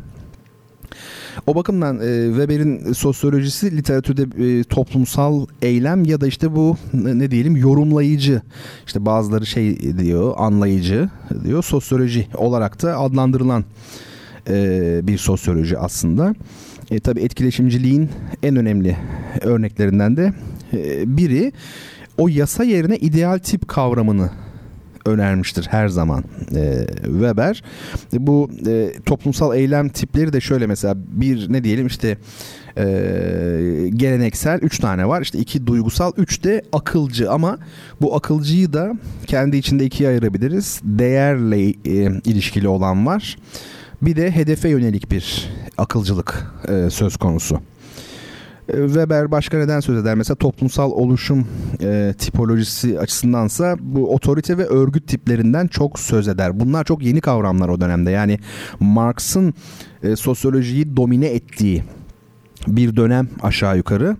Dolayısıyla e, otorite ve örgüt tipleri den söz etmesi bunlar çünkü günümüze doğru tekrar alevlenerek son 50 yıldan beri gelen e, Habermas okuyanlar e, bilir. E, Foucault çağrıştıran yerler vardır. O bakımdan aslında çok geleceğe e, pas atan şeyler bunlar. Weber'e göre otorite ve örgüt tipleri geleneksel var bir tane. Bir tane karizmatik var. Bir tane işte yasal otorite dediği otorite çeşitleri var ama bunları anlatmak lazım uzun uzun. Ben sadece başlıkları veriyorum. Yani e, sosyoloji ile ilgili olmayanlar aa neleri bilmiyormuşum desin diye söylüyorum ben bunları biraz. Eee işte yine bir yeni düşünce mesela düşünürsek Weber'e göre e, bu modern toplumlarda aşırı bir rasyonelleşme eğilimi var diyor Weber. Aşırı rasyonelleşme. Bu çok büyük tehlike işte. Ee, soru soran e, hanımefendi dinleyicim vardı işte diyor ki köksüzleşme meselesi. Bir de mesela bu da bir problem. Rasyonelleşme, aşırı rasyonalizm de bir problem. Ona ilk dikkati çekenlerden biridir. Yani ona e, kendi içinde bir bütün olarak ilk dikkati çeken kişi belki de. Ve şimdi Weber'in en önemli katkılarından biri e, ni söyleyeceğim. O da e, bürokratik örgütlenmeye dikkat çekmesi. E, diyor ki Weber bu Weber bu modern e, toplumda hani idare dediğimiz yani yönetim dediğimiz şey aslında gayri insani olarak diyor. Tamamen ne diyelim ona kanunnameler, yönetmelik yani yönetmelikler olarak yapılıyor diye. Bu tabi bu anlamda Marx'ı da eleştiriyor. E, düşünce ve değerlerin de ekonomik faktörler kadar belirleyici olduğunu söylüyor. Biliyorsunuz Marx'ta altyapı çok belirleyici ekonomik yapı. Zaten bu hani geçti ya protestan e, ahlakı ve kapitalizmin ruhu eseri bu söylediğim meseleye bir örnektir. Yani üst yapı kurumlarının etkisi alta o da vardır diye. E, Marx'tan tabii farklı olarak e, Weber sınıf çatışmalarından daha çok bu bürokratik rasyonel e, düzenlemelerin yol açtığı sorunlarla ilgilenmiş biri. Yani modern toplumun devlet aygıtının ve toplumun genel yapısında da var bu. Bütün kurumlarında yani bürokratik ve rasyonel bir düzenleme var diyor. Bu tehlikeli diyor. Demir kafes diyor biliyor musunuz buna? Ve diyor bireylerin özgürlüğü için diyor bu e, büyük bir tehdit ve gelecek toplumları bekleyen en büyük tehlike diyor. Bakın aradan geçmiş neredeyse 150 yıl değil mi? Bir, bir zaman geçmiş yani büyük bir zaman. Ve gerçekten de Weber'in e, söyledikleri e, son derece e, önemli. E, Gustave Le Bon'un Kitle Psikolojisi kitabı da başlangıç olarak okunabilir sanırım. Eh diyebiliriz yani başlangıcın Mehmet Emin Bey'in e, cümlesi bu az önce yazmış. E, yani başlangıcın bir adım ötesi ama tabii ki tabii ki. Şimdi gelelim bir müzik arasına ama önce biraz konuşacağız müzikle ilgili. Ben bu arada Weber'le ilgili bir şeyler söyledim bayağı e, kasvetli bir sosyolojik havaya büründürdüm programı. Ama öbürleri çok kitabi yani. Tabii benim anlattığımda da şöyle bir sıkıntı oldu. Bunların açıklanması lazım yani. ideal tip bilmem ne falan deyip geçtim ama onları da açıklarız bir günde. Biraz daha açarız onu. Ama hatırlatmıyorsunuz. Arada bir mail atın hatırlatın yani şunu yapalım bunu yapalım. O kadar çabuk unutuyorum ki anlatamam. Efendim şimdi e, ne dinleyeceğiz biliyor musunuz? Mozart'ın klarnet e, konçertosu vardır ünlü. Ondan Adagio'yu dinleyeceğiz. Yani ikinci bölümünü, ağır bölümünü dinleyeceğiz. E, bu dünyada dinleyip dinleyebileceğiniz en güzel müziklerden biri olduğunu söyleyebilirim. Herkes dinlesin e, müzik çalınca kaçıyormuşsunuz gibi bir hisse kapılıyorum. Kaçmak yok. Müzikleri de sizin için seçiyorum yani yoksa kendi sevdiğim sadece müzikleri seçmiyorum. Şimdi Mozart'ın son 5 eserinden biri bu. O nedenle yeri bir başka. Şimdi niye biliyor musunuz? Size şunu söyleyeceğim. Bazı besteciler vardır müzik tarihinde. Onlar harika çocuk gibi olanlar. Her büyük besteci harika çocuk değildir. Mesela Bach gelmiş geçmiş en büyük bestecidir ama hani Wunderkind diyor Almanlar. Böyle bir harika çocuk değildi. Ama Mozart harika çocuktu. Prokofiev harika çocuktur. Bize harika çocuktur değil mi? Şimdi bu tip bestecilerde Mozart gibi Ravel gibi bestecilerde yani ilk eserleriyle son eserleri arasında bir fark göremezsiniz. Yani sanki hiç gelişim göstermemiş gibi. Oysa ki pek çok bestecide aşamalar vardır. İlk dönem eserleri, sonra orta dönemi gelir. Genelde de 3 dönem olur. Sonra da en olgun dönemi gelir. Şimdi hiçbir e, döneminde yani şöyle hep aynı tarzda, tarz değil de hep aynı olgunlukta yazmış izlenimi bırakan besteciler var. Ne demek bu? Çok gençken bile çok usta. Mesela Ravel öyledir. En gençliğinde yazdığı eserleri bile konservatuarda talebeyken yazdığını bile ayırt edemezsiniz. Muhteşemdir. Şimdi Mozart'a da hep bu gözle bakılır. Ama ben öyle düşünmüyorum. Yani Mozart'a bu gözle bakabiliriz aslında. Tamam amenna ona bir itirazım yok. Fakat Mozart'ın son birkaç yapıtı var ki ben onlarda farklı bir ifade buluyorum. Şimdi Herbert von Karajan e, orkestra şefi, Berlin Philharmoni'nin efsanevi şefi, 20. yüzyılın herhalde en büyük şefi, orkestra şefi. O şöyle diyor. Yani o e, biliyorsunuz Salzburglu yani Mozart'ın hemşerisi oluyor. O bakımdan Karajan çok e, zaten iyi bilir Mozart'ı. Dünyada herhalde en iyi bilen kişi odur. Diyor ki e, Mozart'ın diyor bence diyor zirvesi diyor Jüpiter'dir diyor. Jüpiter dediği 41. senfoni Mozart'ın. Bence diyor ondan sonra diyor Mozart zaten istese de gelişim gösteremezdi diyor. Şimdi e, ben bu kanaatte değilim. E, şöyle e, Köhel numarası biliyorsunuz bu bestecilerde opus numarası oluyor ya mesela Beethoven'ın işte opus filanca keman konçertosu opus 60 keman konçertosu opus 60 bilmem ne senfonisi gibi. Mozart'ta opus numarası yoktur. K harfi görürsünüz ya da KV görürsünüz. Neden? Çünkü Mozart kendi eserlerine opus numarası vermemişti hiçbirine. Daha sonra Mozart öldükten çok sonra yine bir Avusturyalı müzikolog olan e, Ludwig van Köhel e, Mozart'ın eserlerini kronolojik sıraya koydu ve kendi adını koydu. Yani Köhel Versagnih ne demek? Yani bu şey Köhel kataloğu. E, dolayısıyla biz o numaralarla şey yapıyoruz. Şimdi Karayan'ın söylediği eserin numarası 551. Ondan sonra diyor gelişim gösteremezdi diyor. Oysa şimdi baktığımızda Köhel 626 yani son eser Requiem. Bir de Don Giovanni operası var. Bence e, şeyin Mozart'ın en olgun yapıtı, bambaşka bir havaya girdiği yapıtı 27 numaralı piyano konçertosudur. Si bemol majör. Bu benim düşüncem. Ama orkestra şefleri biraz hızlı çaldırıyor. Bence anlamıyorlar o kısmı genellikle. Daha ağır tempo olması lazım. Emil Gilels kaydı var bir tane. O çok güzel bir tempo doğru. Neyse o bir gün çalarız belki. Orada bambaşka böyle dingin, huzurlu bir dil konuşan, çok olgun ama yani dünyadan vazgeçmiş işte gerçek anlamda büyümüş bir Mozart söz konusu.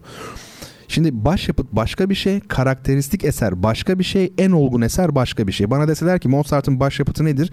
Ben Don Giovanni operası derim. Karakteristik eser nedir deseler en karakteristik e, Jüpiter senfonisi derim. En olgun ama diye sorsalar 27. piyano konçertosu derim. Zaten 28.si yok yani son piyano konçertosu. Bu klarnet konçertosunun şimdi dinleyeceğimiz ağır bölümünü dinleyeceğimiz konçertonun Köhel numarası da 622. Yani şu ana kadar okuduğum eserler içerisinde adı geçen eserler içerisinde Requiem dışında işte Don Giovanni yok bilmem kaçıncı senfoni piyano hepsinden sonra yani 622 son 5 yapıtından biri e, büyüleneceksiniz. Yani olağanüstü bir müzik. Burada da o şey var. Böyle bir olgunluk, başka bir dünyaya yönelme halini e, görüyorsunuz. Hadi bir dinleyelim. Ondan sonra tekrar Bertan Rona ile duyuşlarda birlikte olalım.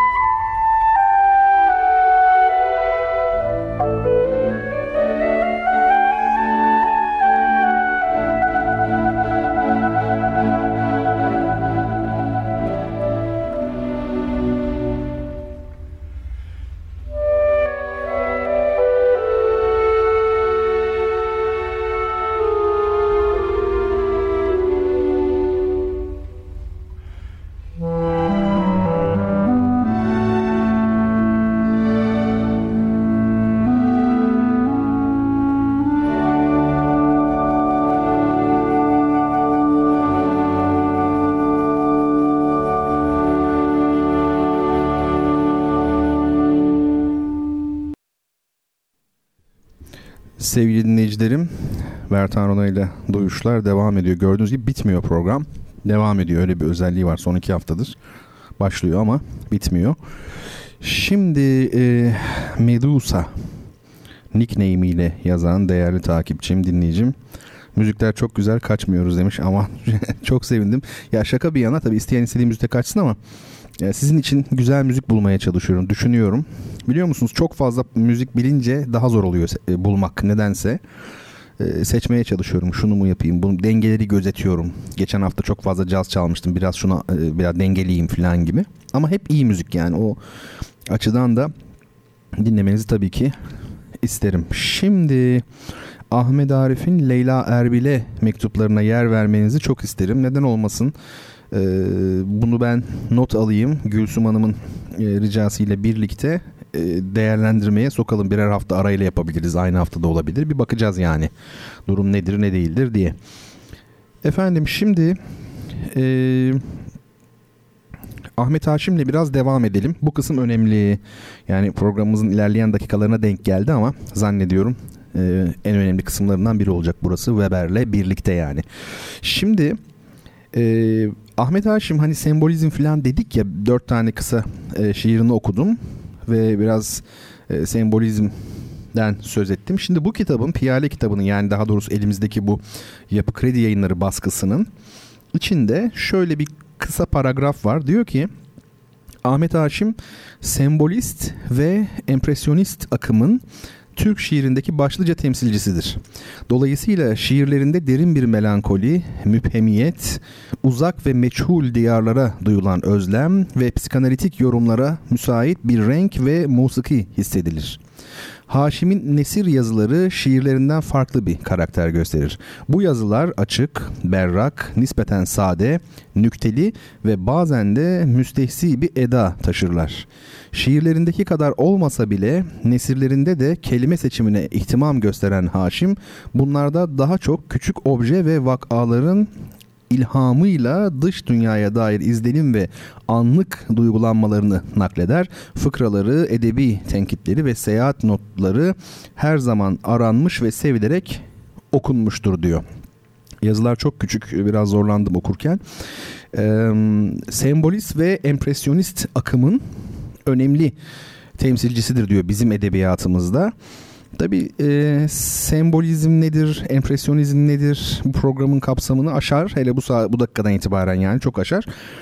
Ama şunu söyleyeyim en azından e, bilin yani öyle kalsın sizde. Empresyonizm dediğimiz şey hep bir Fransız damgası taşımıştır. Ekspresyonizm ise Alman. Yani izlenimcilik denilen empresyonist akım zaten Fransa'da doğmuştur ve sembolizm de e, öyledir ama ifadecilik, işte anlatımcılık ya da dışa vurumculuk olarak Türkçe'ye çevrilmiş olan ekspresyonist akım tamamen bir Alman e, işidir. E, tabii şimdi Ahmet Haşim döneminde Fransa, Fransız kültürü ve Fransızca dünyaya hakim. İngilizcenin dominasyonu yok. Çünkü Amerika Birleşik Devletleri tam hakim değil. Yeni yeni öne geçiyor.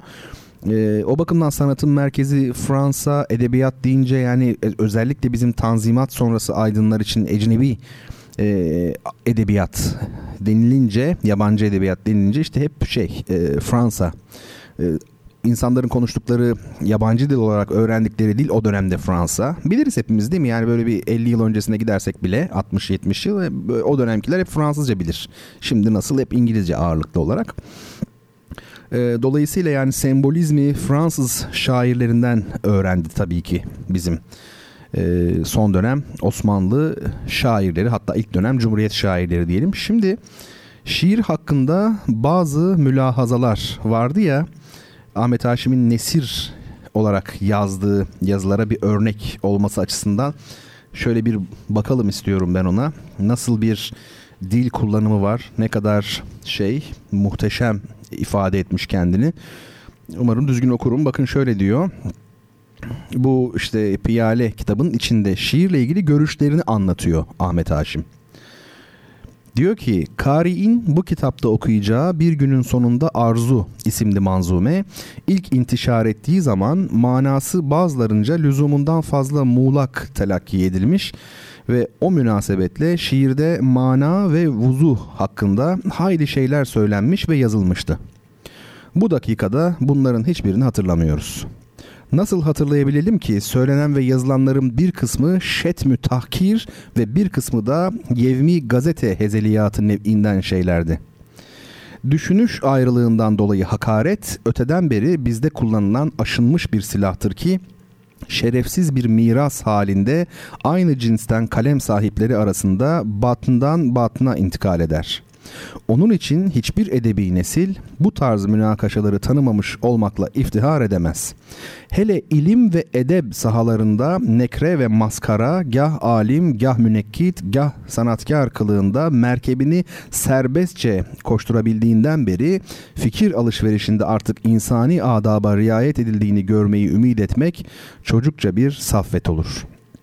Ne tekerleme ne de tahkir bu münakaşaya zemin olamayacağı için biz bu satırlarda evvelce okuduklarımızı ve işittiklerimizi hatırlamaya lüzum görmeyerek şiirde mana ve vuzuhun ne kıymetli şeyler olduğu hakkında kendi telakki ve kanaatimizi söylemekle iktifa edeceğiz.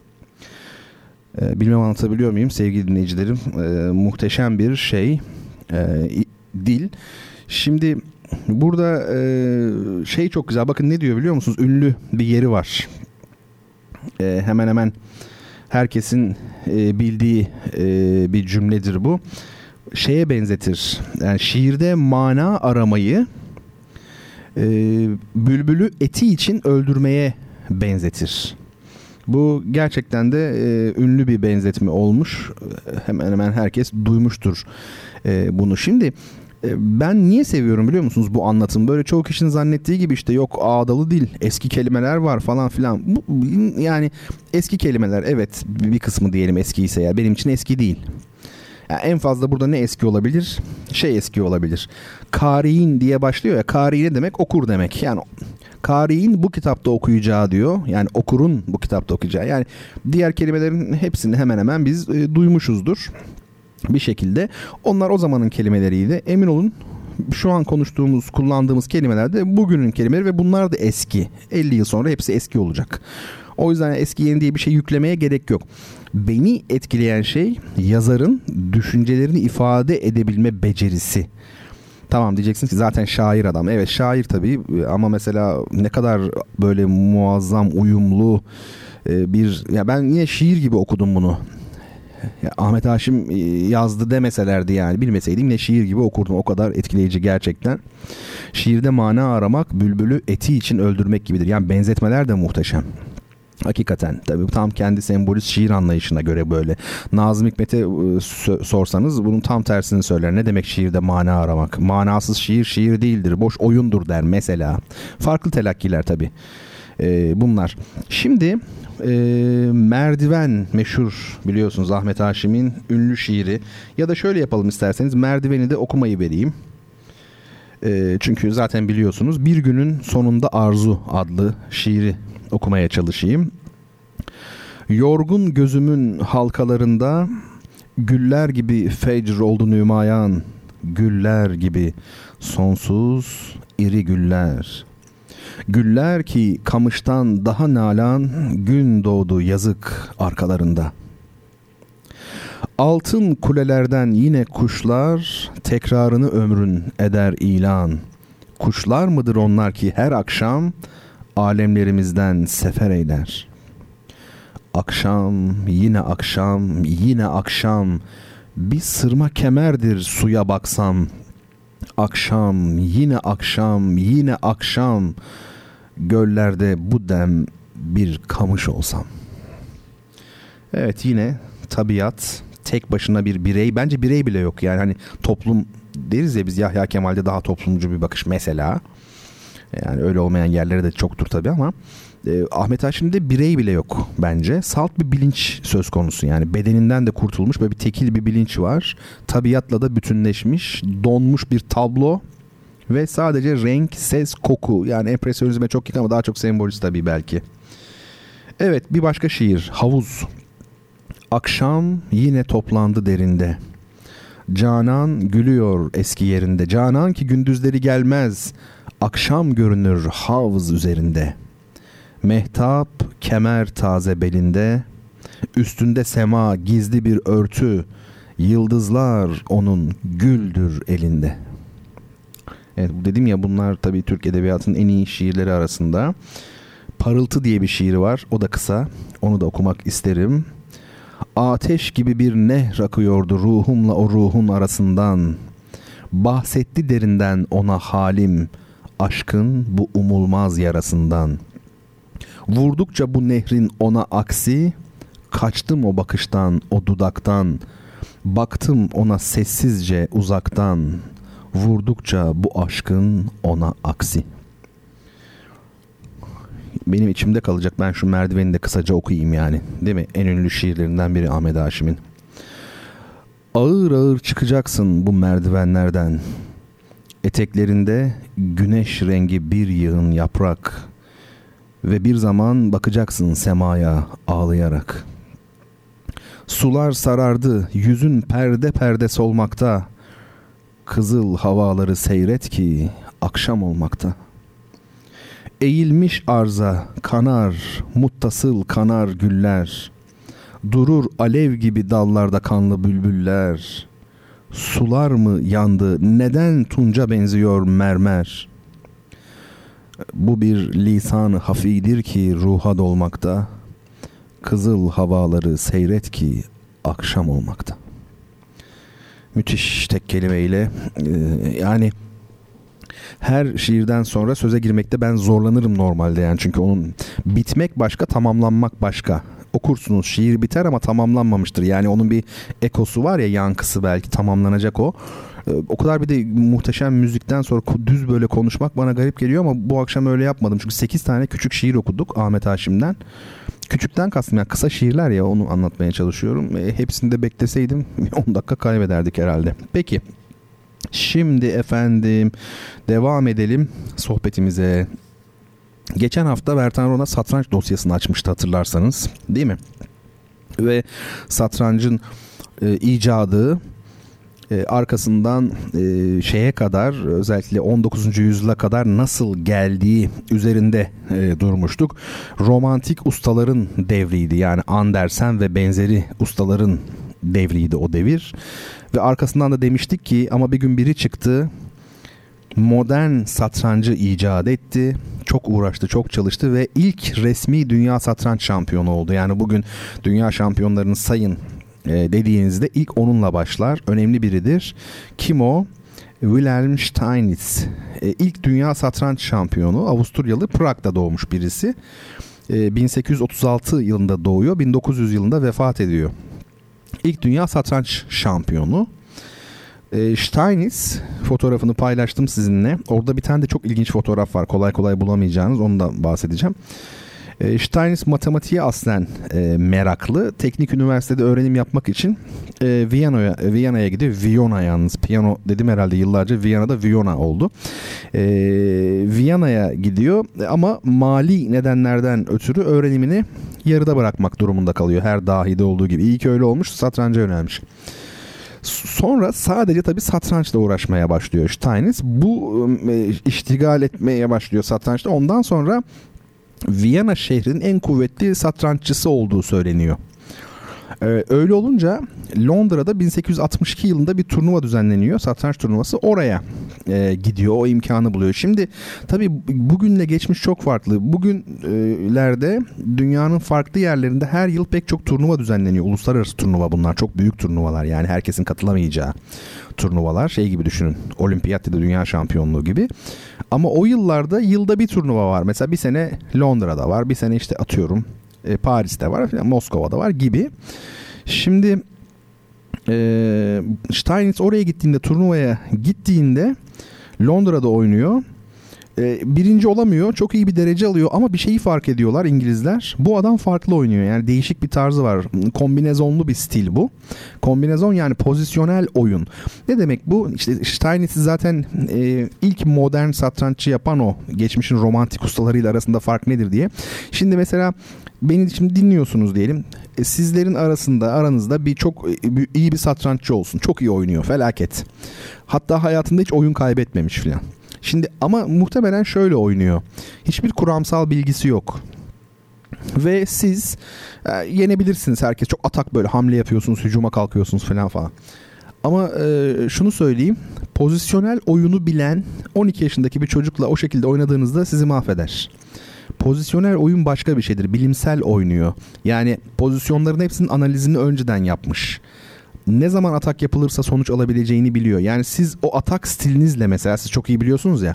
O 12 yaşındaki çocuğa karşı hamle yaptığınızda sizin o atağınız e, çok feci sonuçlanır yani karşı atakla ve mahvolursunuz.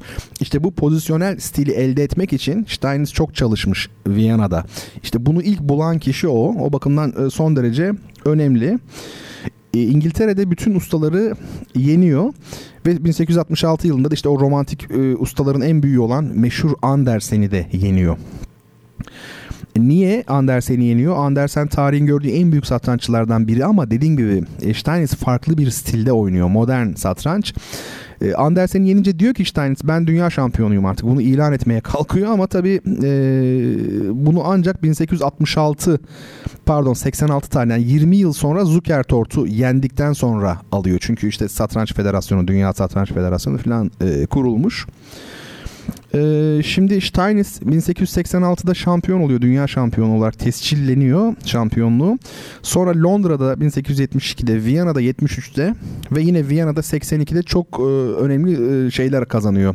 Turnuva birincilikleri. Şimdi turnuva başka, dünya şampiyonluğu başka dünya şampiyonu olan kişi turnuvalara katılabilir, katılmayabilir isterse. O şampiyonken turnuvalara da katılmış. Yani o ünvan maçı olmadığı için turnuvada kaybetmesinin bir önemi yok. Yani şampiyonluğu elinden gitmiyor ama o katıldığı turnuvaları kazanmış.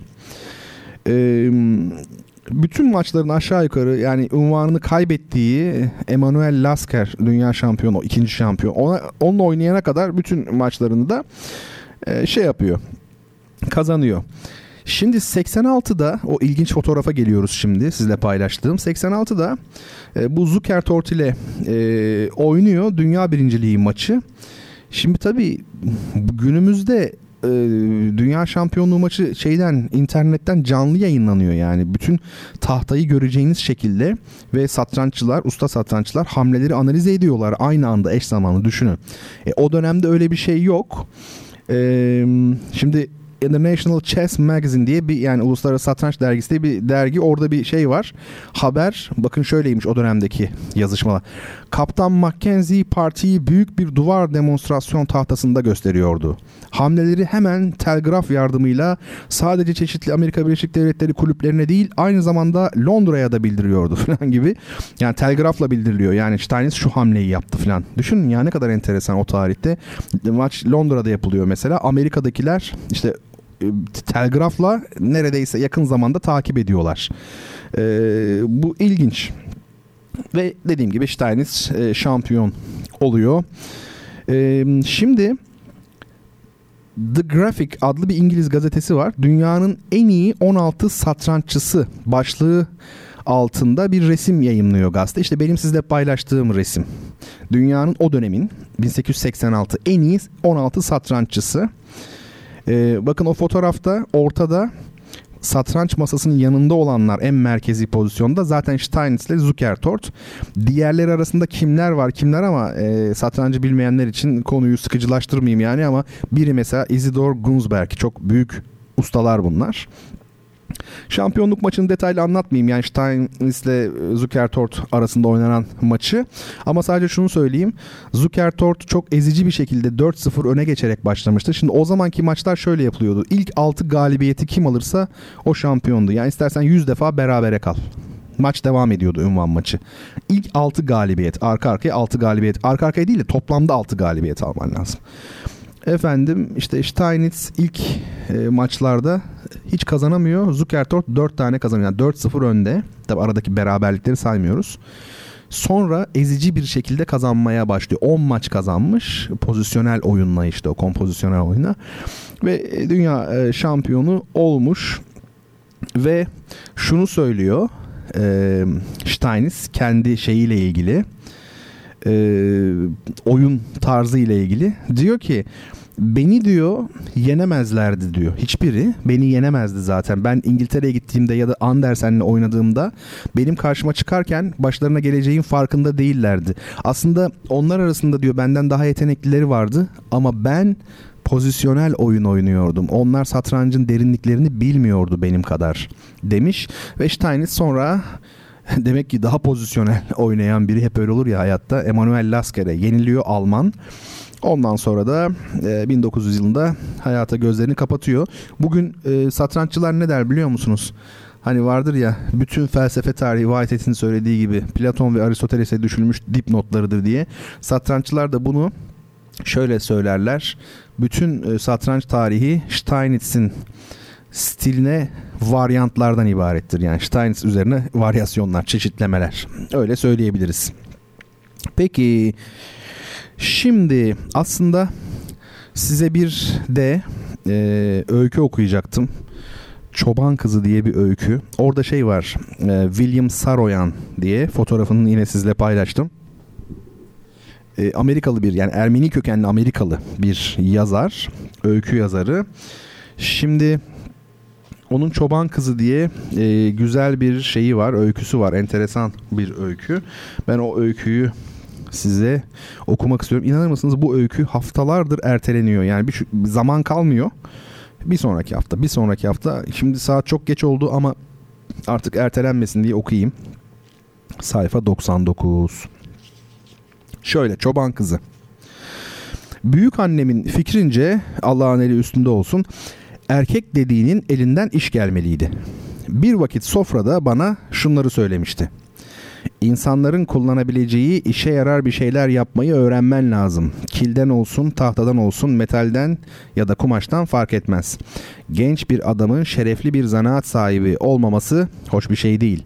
Senin yapabildiğin herhangi bir şey var mı?'' En basitinden bir masa yapabilir misin? Bir iskemle, bir tabak, bir kilim ya da kahve kutusu.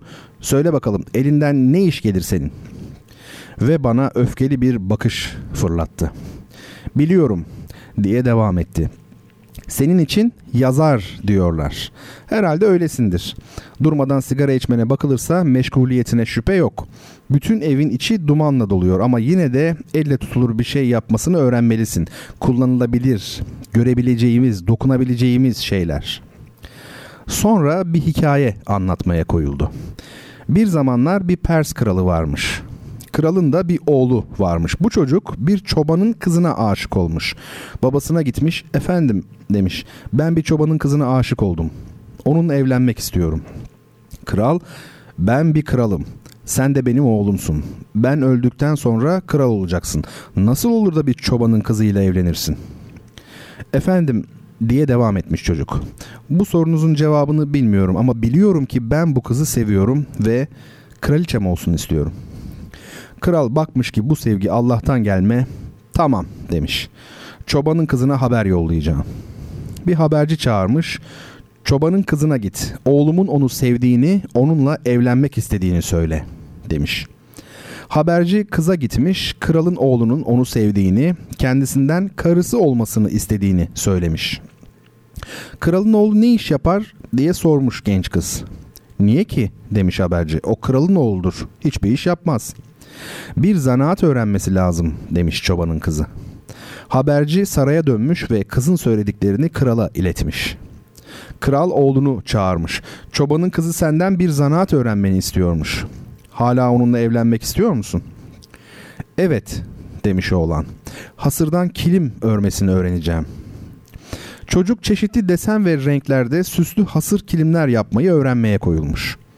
Üç günün sonunda çok güzel kilimler yapar olmuş. O zaman haberci tekrar kıza gitmiş ve kralın oğlunun hasırdan kilimler örebildiğini söylemiş. Bunun üzerine kız haberci ile birlikte saraya gitmiş ve kralın oğluyla evlenmiş. Bir gün kralın oğlu Bağdat sokaklarında dolaşmaya çıkmış. Dolaşırken yemek yenen bir yere rastlamış. İçerisi o kadar temiz ve serinmiş ki girip bir masaya oturmuş. Burası aslında hırsızların, katillerin toplanma yeriymiş. Kralın oğlunu almışlar ve şehrin ileri gelenlerinin tutulduğu bir zindana atmışlar. Hırsızlar ve katiller zindanda tuttukları adamlardan en şişmanını öldürüp en zayıfına yedirerek eğleniyorlarmış. Kralın oğlu içlerinde en zayıf olanıymış ama kimse onun kralın oğlu olduğunu bilmiyormuş. Bunun için hayatı kurtulmuş. Çocuk haydutlara hasırdan kilimler ördüğünü, ördüğü kilimlerin çok değerli olduğunu söylemiş. Bunun üzerine ona hasır getirmişler ve örmesini söylemişler. Çocuk üç günde üç kilim örmüş. Haydutlara bu kilimleri kralın sarayına götürmelerini, kralın her bir kilim için onlara yüz altın vereceğini söylemiş. Kilimler kralın sarayına götürülmüş. Kral kilimleri görünce bunların oğlunun elinden çıktığını anlamış. Kilimleri almış ve çobanın kızına götürmüş. Kilimlerin saraya getirildiğini ve bu kilimlerin kayıp oğlunun elinden çıkmış kilimler olduğunu söylemiş.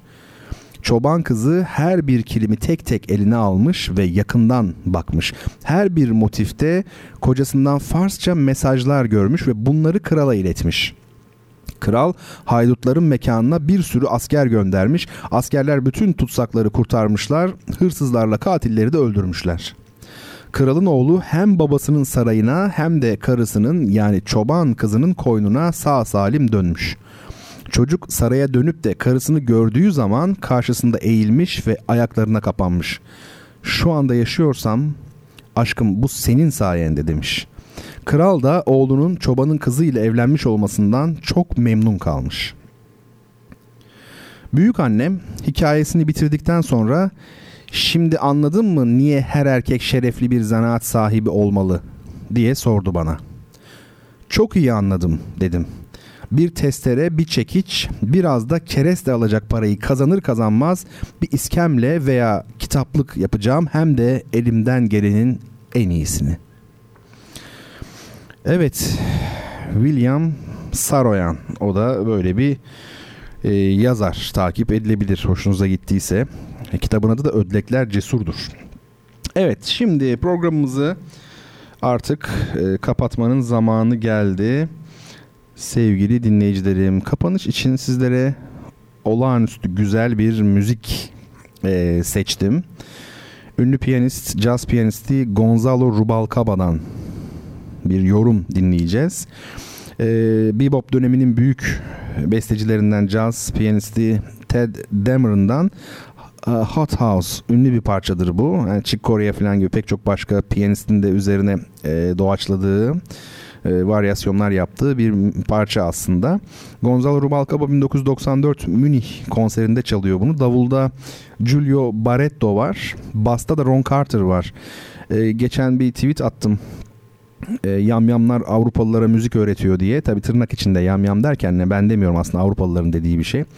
E, bu böyle aşırı şey burnu havada olan aydınlanmayı yaşamış efendime söyleyeyim çok büyük böyle orkestral müziği olan adamlar bir tarafta bir tarafta da öbür tarafta da şey var e, bildiğiniz boyunlarına köle olarak halka geçirilmiş e, çok zorlu yıllar yüzyıllar hatta geçirmiş insanların torunları var iki tarafta da.